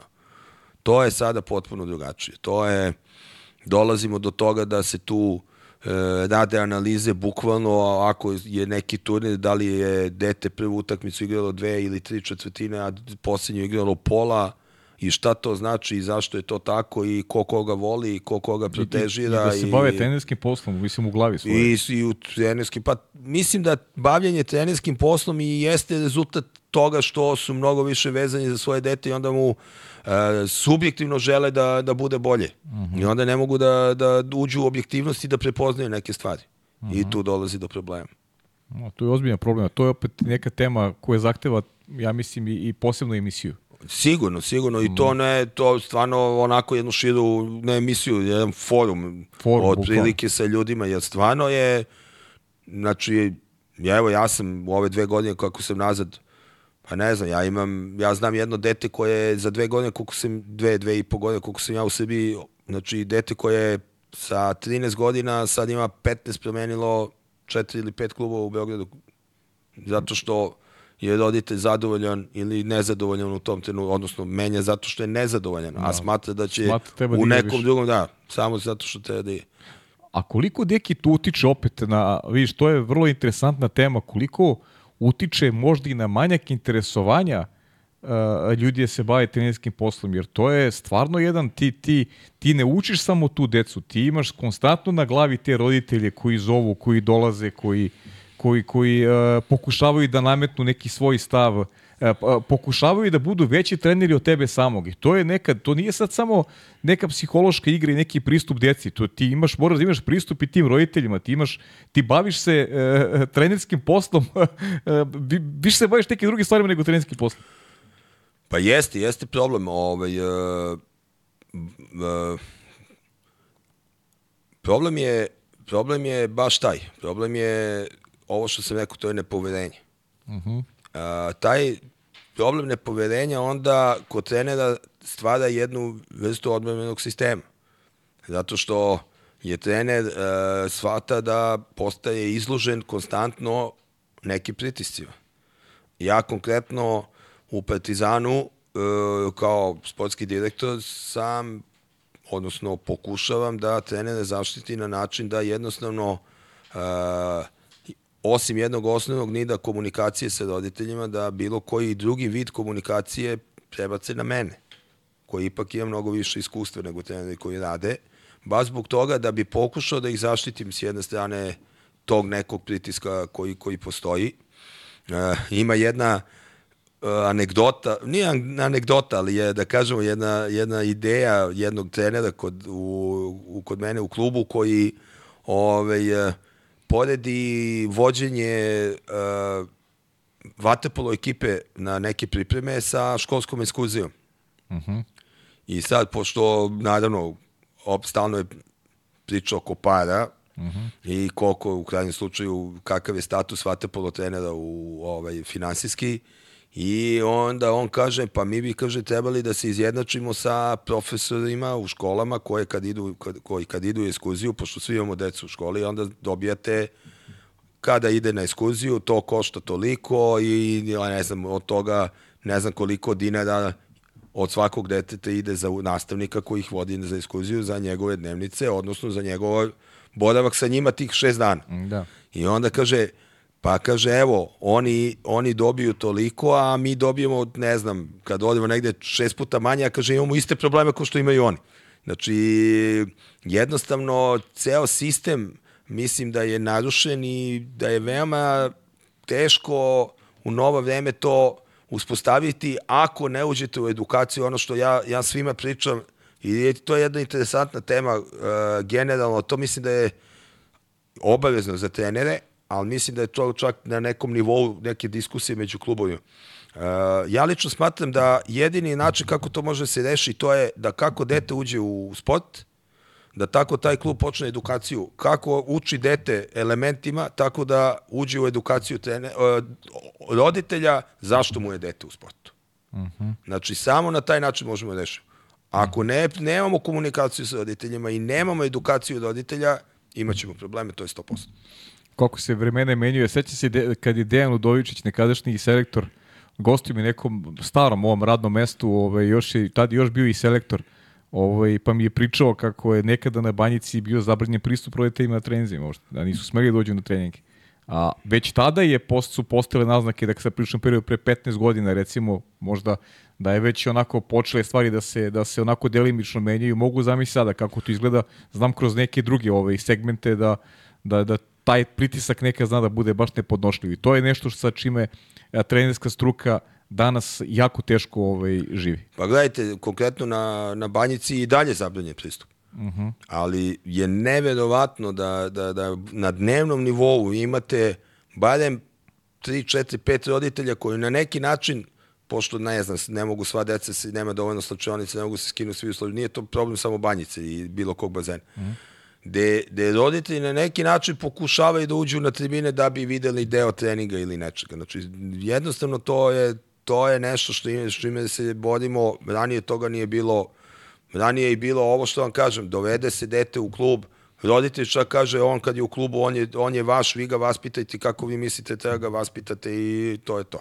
Da, da. Nekad su stvarno ta nekad neka te diskusije ovaj roditelja na, na temu sporta ovaj baš znaju da budu problematični jer jer ti pa, upravo primećuješ da da oni razgovaraju na na nekom na stručnom nivou.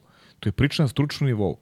E, to je bukvalno zadiranje nekome u, u, u posao, što je iz mog ugla neprihvatljivo. Ja lično to ne dozvoljavam. Ne dozvoljavam. Tu ulazak u struku sa roditeljima ne dozvoljavam. E, meni bi to bilo isto, ja to kažem ako neko pokuša, meni bi to bilo isto kao kada Evo ja tebi, evo, znaš šta je isto? Kao ja tebi sad pričam o trenerskom poslu, ili, ili a ja ti meni kako tako, da ja vodim emisiju. E, ja na taj način i nastupam, evo otvoreno kažem. Znači, da. ako vidim da je to ide u neku krajnost, ja sam imao situaciju da sam par roditelj pitao, izvinite, po, nisam ih znao, da ih mhm. znam odmah bi, izvinite, evo, pošto smo se sad upoznali, a sad je, a čime se vi bavite? A onda on meni kaže, čime se bavi, ja kažem, a jel vi mislite, pošto ja ne znam o tome, da li vi mislite da ja imam pravo da pričam na da. stručnom nivou s vama o tom? E to kada, kada uspostavimo, i to, ali to opet kažem, to je opet jedan vid edukacije. I to je još jedan vid edukacije roditelja da, mi, da oni shvate da u stvari o tome ne treba da pričaju i ako ih edukujete, oni neće to raditi. Evo, otvoreno vam kažem. Uh mhm, -huh, jasno.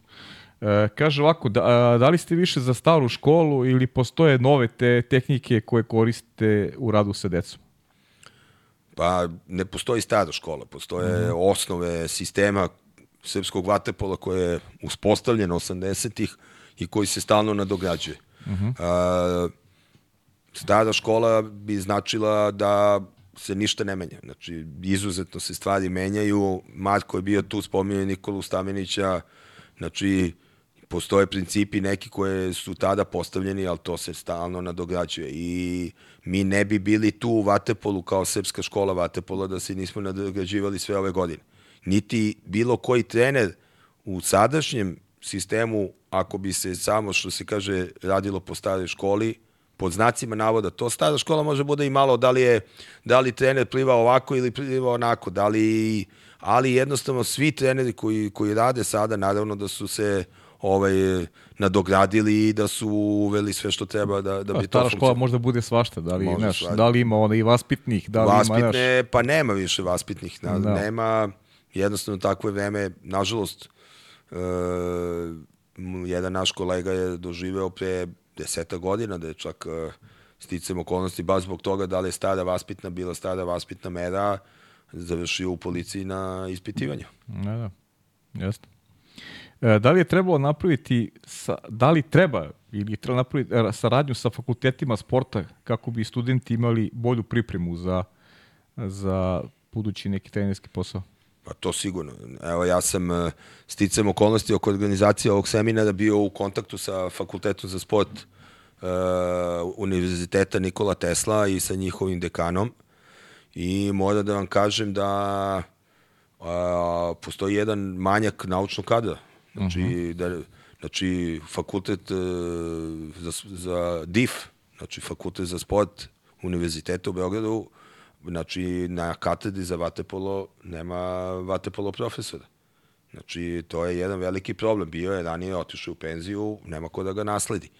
Uh, šta to znači? To znači da mi, znači mi, a i fakulteti, fakultet za sport, Znači, moramo da uđemo u jednu ozbiljnu saradnju gde bi od svih tih trenera u krajnjem slučaju imali i trenere koji bi se usmerili ka tom delu edukacije, naučnog pristupa, jednog dana doktorata i na osnovu kog bi mogli da, da, ovaj, da imamo edukaciju i studenta na, na fakultetima. Uh mhm.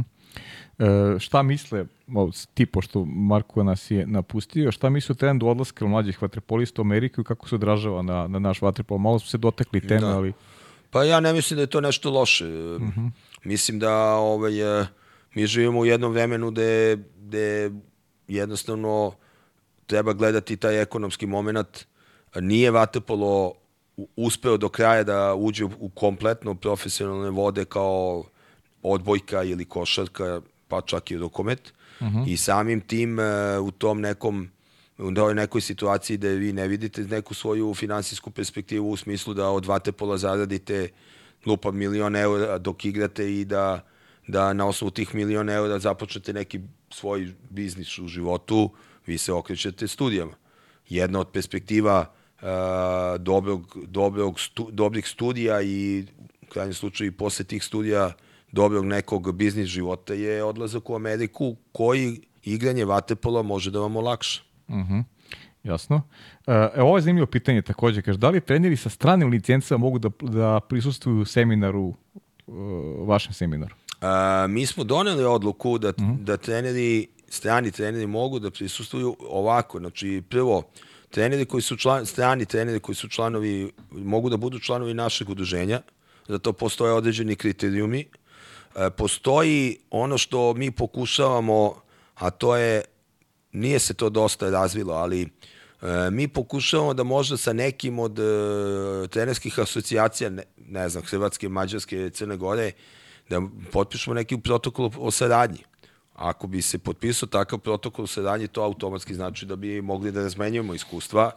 Naravno da postoje ovaj, delovi e, rada koji mi ne bi da, da, da baš tako javno prezentiramo. Okay, neke, neke naše ovaj, strategije i sve, ali sigurno da postoji jedan deo gde u nekoj razmjeni iskustava bi svi imali koristi. Uh mhm. -huh. Pa dobro, prepostavljam da recimo ta analiza Miloševa, uh, mlađe selekcije Grčke i Španije, ne mora baš da vidi ovaj neko ko je... Pa ne mora, naš... ali ne, opet, e, pošto je ovo bio e, seminar na kome smo mi u krajnjem slučaju imali mogućnost e, online praćenja koje opet nije bilo neko E, online e, ovaj, bilo je na YouTube kanalu. Znači, mm -hmm. nije mhm. to bilo nešto što je toliko zaštićeno da, da okay, ne može da. da se pogleda. Znači, samim tim i to predavanje nije bilo toliko uh, analitično, stručno, mm -hmm. samo za nas. Tako mm -hmm. da, to sve može da se reguliše, ali sigurno, pa gledajte, evo, ja navodim jedan primjer, ovo što smo pričali o toj nekoj edukaciji koja je bila u periodu 2006. na 2008. ili 5, 4. na 8. Uh, taj sistem edukacije koriste sada, ja sam pričao sa njihovim uh, koordinatorom rada svih selekcija u, mlađih u Savezu sa Miodragom Mirovićem, inače uh mhm. -huh. trenerom koji je Bište ovde naučio. Pa ne, ne, ali on je tu, e, on je jedan isto trener koji je prošao tu školu. Uh mhm. -huh.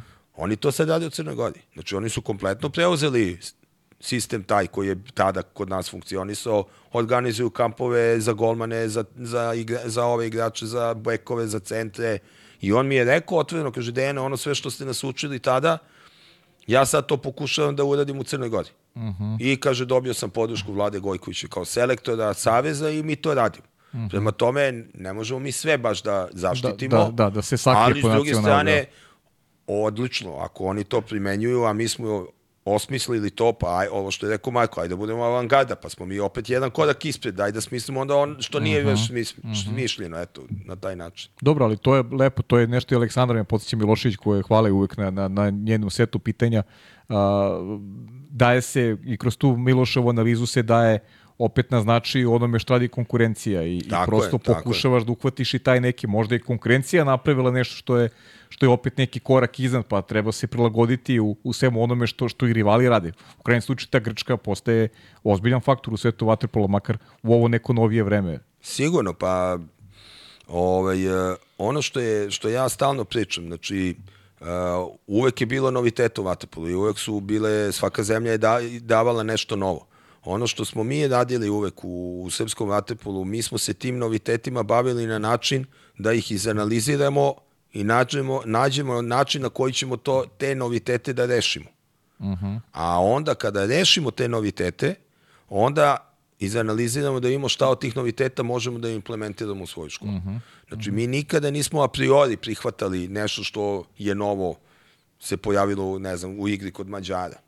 Uh mhm. -huh. Ali smo išli prvo da, pošto su nam konkurenti, ok, to je nešto novo, može da nam predstavlja problem, ajde rešimo to. A onda kad rešimo, kažemo, dobro, daj da vidimo sada od toga šta možemo da primenimo u našoj školi vaterpola, što bi nam dodalo ovaj, jednu, jed, nešto novo kvaliteta, što opet bi, uh mhm. -huh. time bi bili ispred njih.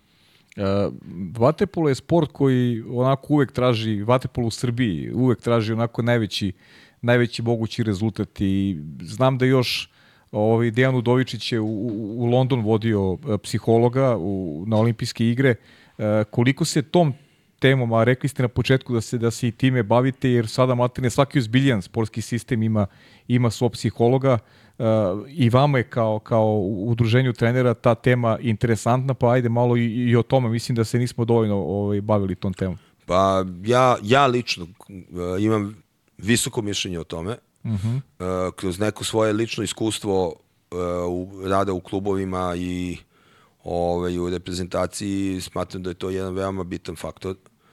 A, mislim da, da čak mi to u poslednje vreme ne koristimo na nivou na kome bi trebali da koristimo, da smo mi jedna država a, koja je a, pre 30 godina to koristila na jedan izuzetan način.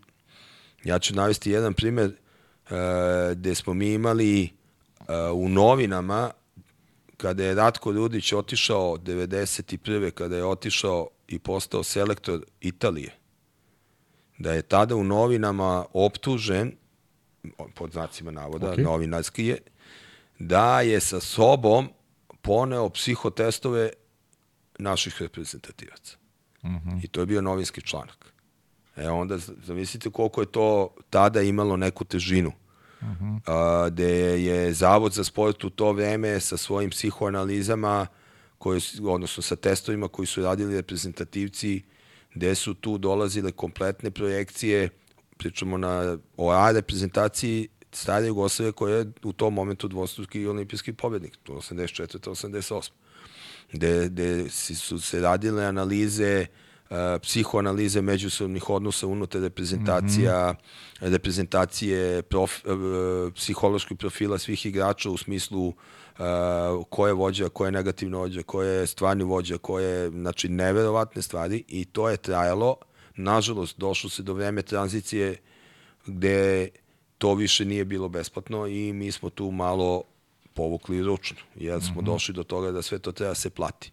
U zadnje vreme imamo primer uh, izuzetnog isticanja koristi od psihologa, to je Ivica Tucak, mm -hmm. koji je naveo da je izuzetno zahvalan psihologu koga su oni uveli u reprezentaciju evo da vas ne slažem da li 2016. posle, posle Rija. Rija koji je, koja je, to je jedna žena koja je provela s njim tri godine i da on smatra da ona ima veliki udeo u tome što su oni uspeli da savladaju po njemu kompleks koji su imali od naše reprezentacije i tad su nas vada posle tri pa, godine prvi put pobedili po, na nekom takmičenju. Pobedili su nas 2017. godine u Mađarskom i svetskom prvenstvu polufinalu. E, onda je ovo, neki period, znam da je, znam da je u jednom intervju on to istakao mm -hmm. kao, znači eto. Pa poklapa se, to po, ti je 2016. 2017. Pa, u na primer, ali, ali znam da je onako bilo baš, mm -hmm.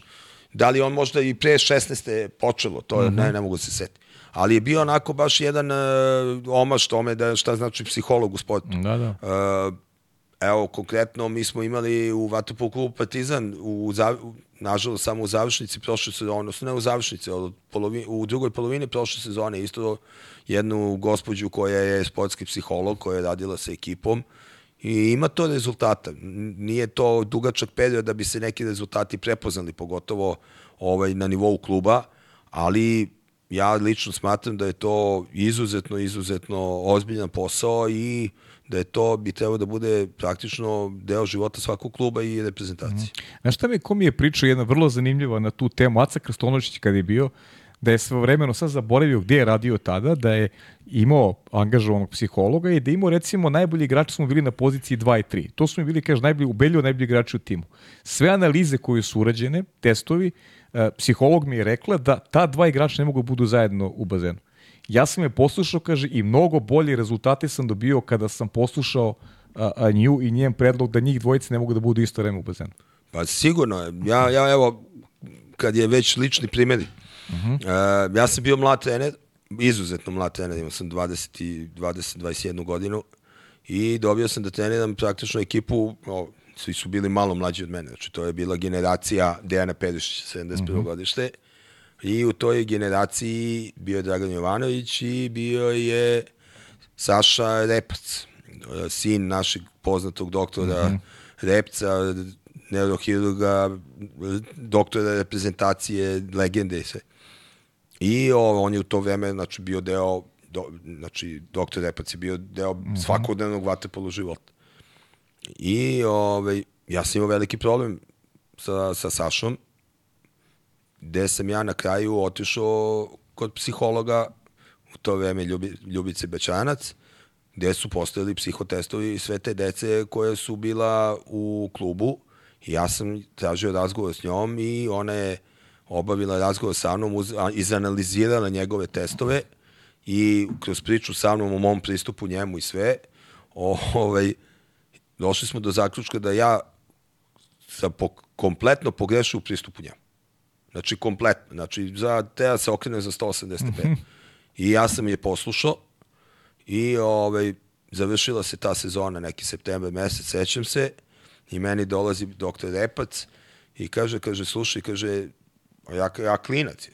Kaže, Dejane, slušaj, kaže, ne znam šta se desilo, ali kaže, Saša je u aprilu mesecu zbog tebe hteo da napusti Vatepolo i ja sam imao probleme s njim u kući, terao sam ga da ide na trening i sve. Nešto se desilo, evo, završili ste sezonu, kaže, on je sećno dete, super zadovoljan, ti si super trener, sve. Ja kažem, desio se psiholog. Rekao, nije do mene stručno uopšte. Lice, da, da, lice. nije do... Rekao, nije uopšte do mene. Eto, Eto, da. tako da je neverovatan primjer. Ja, znači, ja od tog, od tada, to, evo, to je, znači, 30, 40 godina skoro unazad, ja stvarno imam veliki respekt prema njima. I ja Mhm. to stalno pričam i stvarno bi voleo da, da su oni kompletno uvek uključeni u naš Mhm. život. Bilo bi nam mnogo lakše. Da, slažem se zaista I, i, i to je opet jedna tema koja možda zahteva i, i, neki, i neki forum, ali ima biće prilike da je, da je proširimo. Ne, E, te i forumi, sad ja da se nadovežem, Ajde. pošto ono, u kontaktu smo, što se kaže, i van Vatepola, uh Mhm. -huh. ovaj, onaj prostor dole na doću će biti odličan za te Za- forume. za forume. Samo da ga završite. iskoristit da završite ove sve dozvole što vam trebaju. Iskoristit ćemo. Važi, deki, ovaj, ne brini, bit će ovaj prostor i za forume. E, interesantno još tema, ajde da, da nadovezujem se sad malo i na Aleksandrina pitanja. Ovaj, Žile Gocić je pričao o, o, takođe o toj nekoj fizičkoj i mentalnoj potrošenosti igrača i onako ova godina je baš, baš specifična i e, opet to se reflektuje i na vas trenere, jer e, treba da sprovedeš sve te ideje koje su vezane za klub, opet mora da vodiš račune o tome da ti momci razmišljaju i repestivnim akcijama, jer gotovo je stvarno neverovatno zvuči da u jednoj kalendarskoj godini imaš a, tri najvažnija, tr- tri u stvari, ne znam, ono vrh piramide kada govorimo o, o, o vaterpolo sportu, ka, kako tu trener reaguje i koliko uopšte može neki vaš glas da se čuje u tim nekim ozbiljnijim forumima da se to da to malo bude svedenije, da, da, da taj neki raspored utakmica takmičenja bude malo drugačiji što bi olakšalo ne samo momcima koji su u bazenu nego i vama rad koji imate na nekom godišnjem nivou. Pa tu, to je interesantna priča, tu mislim da je jedan dosta dobar sagovornik za tu temu o tom uh, koliko se čuje glas vate, uh, vatepolo trenera u vatepolo svetu, znači to nije vezano za Srbiju, uh -huh. je Dragan Jovanović koji je izvršni direktor uh, svetskog udruženja trenera Pozvaću ga ponovo, dobro si mi i rekao. ovaj, zašto to kažem? Zato što uh, svetsko udruženje trenera koje je mnogo brojnije naravno nego, nego srpsko, čak smo mi imamo jedan protokol o saradnji gde je ideja da svi članovi udruženja trenera Srbije, Vatapolo trenera Srbije budu automatski i članovi svetskog udruženja trenera. E, za sada nije uspelo da postane legitimni član FINE. Za razliku, na primjer, od e, udruženja plivačkih trenera koji su uspeli. A, zašto je ovo bitno? Zato što a, ima jedna disciplina, ne mogu da se setim koja je u plivanju, gde su došli iz FINE i osmislili da uvedu tu disciplinu ovaj, u zvanične programe i gde su praktično treneri bili ti koji su svojim glasom to stopirali, zato što su smatrali da ne treba. I taj glas se čuo. A zašto se čuo? Zato što to svetsko udruženje plivačkih trenera ima, ne znam, 5000 članova i imaju samim tim, pošto imaju 5000 članova i imaju uticaj u svakoj zemlji. E, i Vatapolo, svetsko, Vatapolo, odnosno svetsko udruženje Vatapolo trenera, to još nije uspelo. Uh -huh. Znači, realno onog momenta kada uspe, onda mi možemo pričamo o tome da oni budu ovaj, uh -huh. da se čuje glas na tom svetskom nivou. Uh -huh. Ono što je naš glas trenutno, to je glas ovih naših vrhunskih stručnjaka koji su uh, sa velikim iskustvom kao što su Ratko Rudić, Janis Janudis, Sandro Kampanja, Dejan Udovićić na poziciji Selektora Amerike, ali to je individualno. Znači, mi nemamo kao, kao organizacija taj glas. Uh -huh, uh -huh. Koliko su danas opet, to su opet neke, neke priče koje smo ovde čuli u podcastu i ranije, uh, recimo, eto, baš već, kada već pominjem i Žileta Gocića još i pre nego što je postavljen od Novog Beograda kada je gostovao, uh, koliko su danas treneri uh, spremni da se bave uh, ne samo tom ulogom trenera, nego već da se bavi ličnostima tih, tih mladih momaka, da, da onako nekim njihovim prohtevima, ono što si rekao malo pre, koliko je važno, koliko je ta važna bilo i uloga psihologa, ali, ali da negdje i sam budeš psiholog, da prepoznaš. Ja znam da su mi neki neki ovaj drugari koji imaju ovaj decu sada već i, i, i odraslu e, koliko im je e, recimo taj neki roditeljski savjet nisu prihvatali vezano za ne znam edukaciju, učenje, čitanje, a recimo trener ih je inspirisao da pronaši im neku žicu kako da im pristupi da da se da se ovaj da se edukuju, da čitaju nešto što recimo u savete roditelja nisu nisu ovaj nisu radili. Pa, to je mnogo bitna stvar, mnogo mm -hmm. bitna stvar. Ja mislim da svaki bivši vaterpolista pa u krajnjem slučaju njegov roditelj će imati jednu pozitivnu, barem jednu pozitivnu priču gde je trener bio taj koji je neki problem koji roditelj nije mogao da je reši sa, mhm. -huh. sa detetom rešio i ovaj, e, moraju treneri da se bave, e, mi jesmo kolektivan sport, ali mi u tom kolektivnom sportu imamo e, decu i odrasle osobe koji su ipak individue i mora da se prepozna uh, karakter, e, narav svakog od, tog, svakog od tih igrača koji imamo i da se njime posebno pozabavi. To je jedini mhm. način na koji, na koji vi možete u krajnjem slučaju da iskontrolišete situaciju unutar jedne grupe. Tako da, nije onaj taj, uh, kako da kažem, ne može bude pristup da, ok, to je jedna grupa, pa ja ih imam 20, pa sada će da je ovaj otpadne zato što ne sluša. Ne, baš obrnuto, baš e, treba da bude taj pristup da jednostavno se sa svakim detetom pozabaviš i da u krajnjem slučaju ono što mi stalno pričamo, a to je da to dete kada izađe iz vaterpola jednog dana, da li kao olimpijski šampion ili profesor univerziteta, da bude zahvalno jednim mm -hmm. delom vaterpolu, odnosno sportu, zašto je to postao. U krajnjem slučaju, primjeri vaterpolista koji, koji su izuzetno uspešni u sferama svog života, da ima ih koliko hoćete i ja mislim da svaki trener kada vidi nekog od svojih bivših vaterpolista na nekom istaknutom mestu koje je van sport, vaterpola, je izuzetno ponosan što je bio deo te priče njegove životne. Mm -hmm. Da, vaterpolisti su uvek važili za ljude koji su edukovani još iz onih onih starih vremena, u stvari iz onih vremena kada je krenula neka ekspanzija nečega što se zvao zvao jugoslovenski stil ili jugoslovenska škola, vaterpola, tako da sa tim mislim da nikada i nije bilo problema ili nekih, nekih ostupanja kada govorimo o generacijama koje su dolazile. Kažem još za kraj, ajde, osim ukoliko nemaš i sam još nešto dodaš, ti kada, si, kada ste ostivali, one, praktično ti deki kada ste bili na to, ajde da kažem, počeli da se da radite taj posao udruženje, udruženje trenera, rekao si da su odnosi među trenerima bili loši, da, i, da je neka želja da se i taj neki odnos E, popravi. Koliko imaš utisak da je ovaj korak koji ste napravili dobar neki neki preznak i i ovaj i, i, i da li veruješ u to da da će da će i odnosi biti bolji. Znamo da da ima ima i mnogo sujete, ima i, i to je nekako i normalno kada govorimo o sportu. Koliko je koliko je moguće pomiriti je na onako neku svedenu meru da da da, da ne trpi ono što se zove interes uh, srpskog vaterpola. Pa gledaj, uh, mislim da smo da je ovo početni korak. Mm -hmm. Ja, ja bi ovako to formulisao. Mi smo imali semina na kome je bilo 130 trenera prisutno u redu, nisu svi ostali do kraja, morali su neki su imali obaveze uh mhm. -huh. na, na ovaj, sa trenizima, poslov nije ni bitno. Uh, završio se seminar. Ima kafić, jedan jedini tu u blizini, koji je radio. I sticam okolnosti, tu se našlo šest trenera. E, Ja bih voleo sledeći put da, kad da. napravimo seminar da u kafićima posle seminara završi ne šest trenera, nego završi 26 trenera. -huh. Eto, to, je, to bi bio uspeh. Znači, to bi, I onda bi mi imali to polako, Jer uh, mi smo svi jedna struka, naravno da postoji sueta, ali mm -hmm. u mhm. krajnjem slučaju mi smo svi u tom vatapolu zato što je to naša ljubav i onda Tako. na kraju cele priče to treba da nam bude vodilje u našim odnosima. Znači, taj respekt prema sportu u kome smo.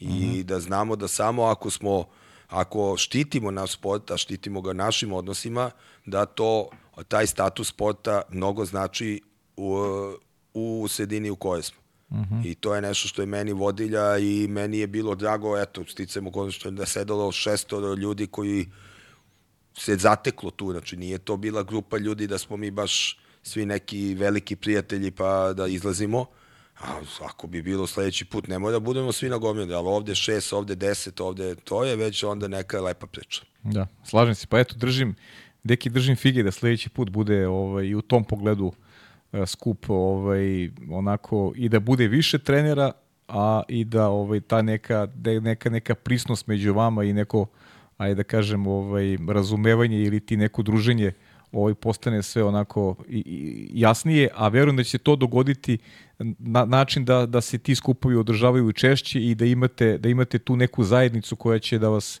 ovako će da vas ujedinjuje i koja će da vas vodi kroz neke kroz neke ovaj nove sportske poduhvate ili ti kreiranje nekih novih generacija koje će da pronose slavu srpskog vaterpola. Pa ja se nadam sigurno i radit ćemo na tome imamo energiju pozitivno da radimo opet pozivam sve naše članove da nam se aktivno uključe u rad udruženja sa idejama, predlozima, uh, učestvovanjem u raznim projektima.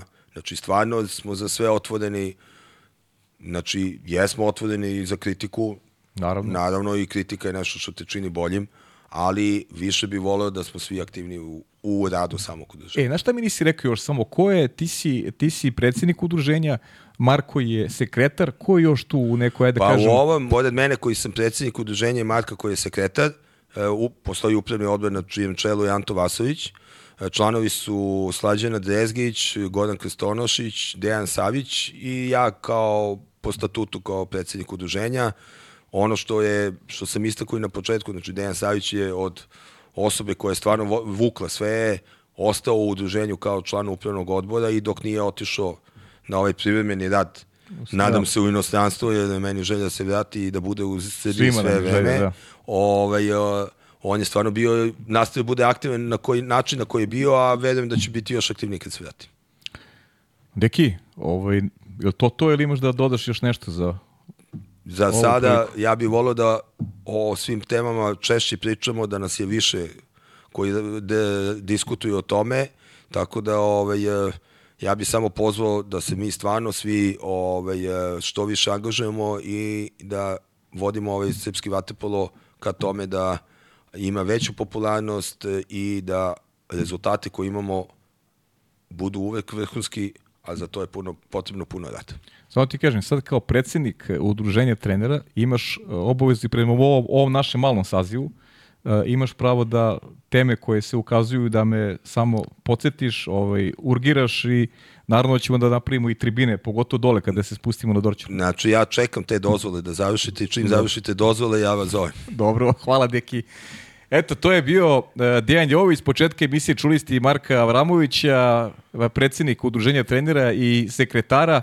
Verujem da vam je ovaj podcast bio interesantan, dotakli smo se uh, mnogo interesantnih tema, a naravno narednih nedelja akcina će biti e, evropski šampionat koji se održava za, za muškarce u Zagrebu i Dubrovniku, počinje 4. januara, naravno dame svoj šampionat imaju u Eindhovenu, tako da će gosti moji gosti ovaj, razgovarati na tu temu, a možda bude i nekih iznenađenja kada a, govorimo o kompoziciji ovoj voditeljskoj kompoziciji, ali o tom potom saznaćete, pratite naše Instagram profile i družimo se naredne nedelje.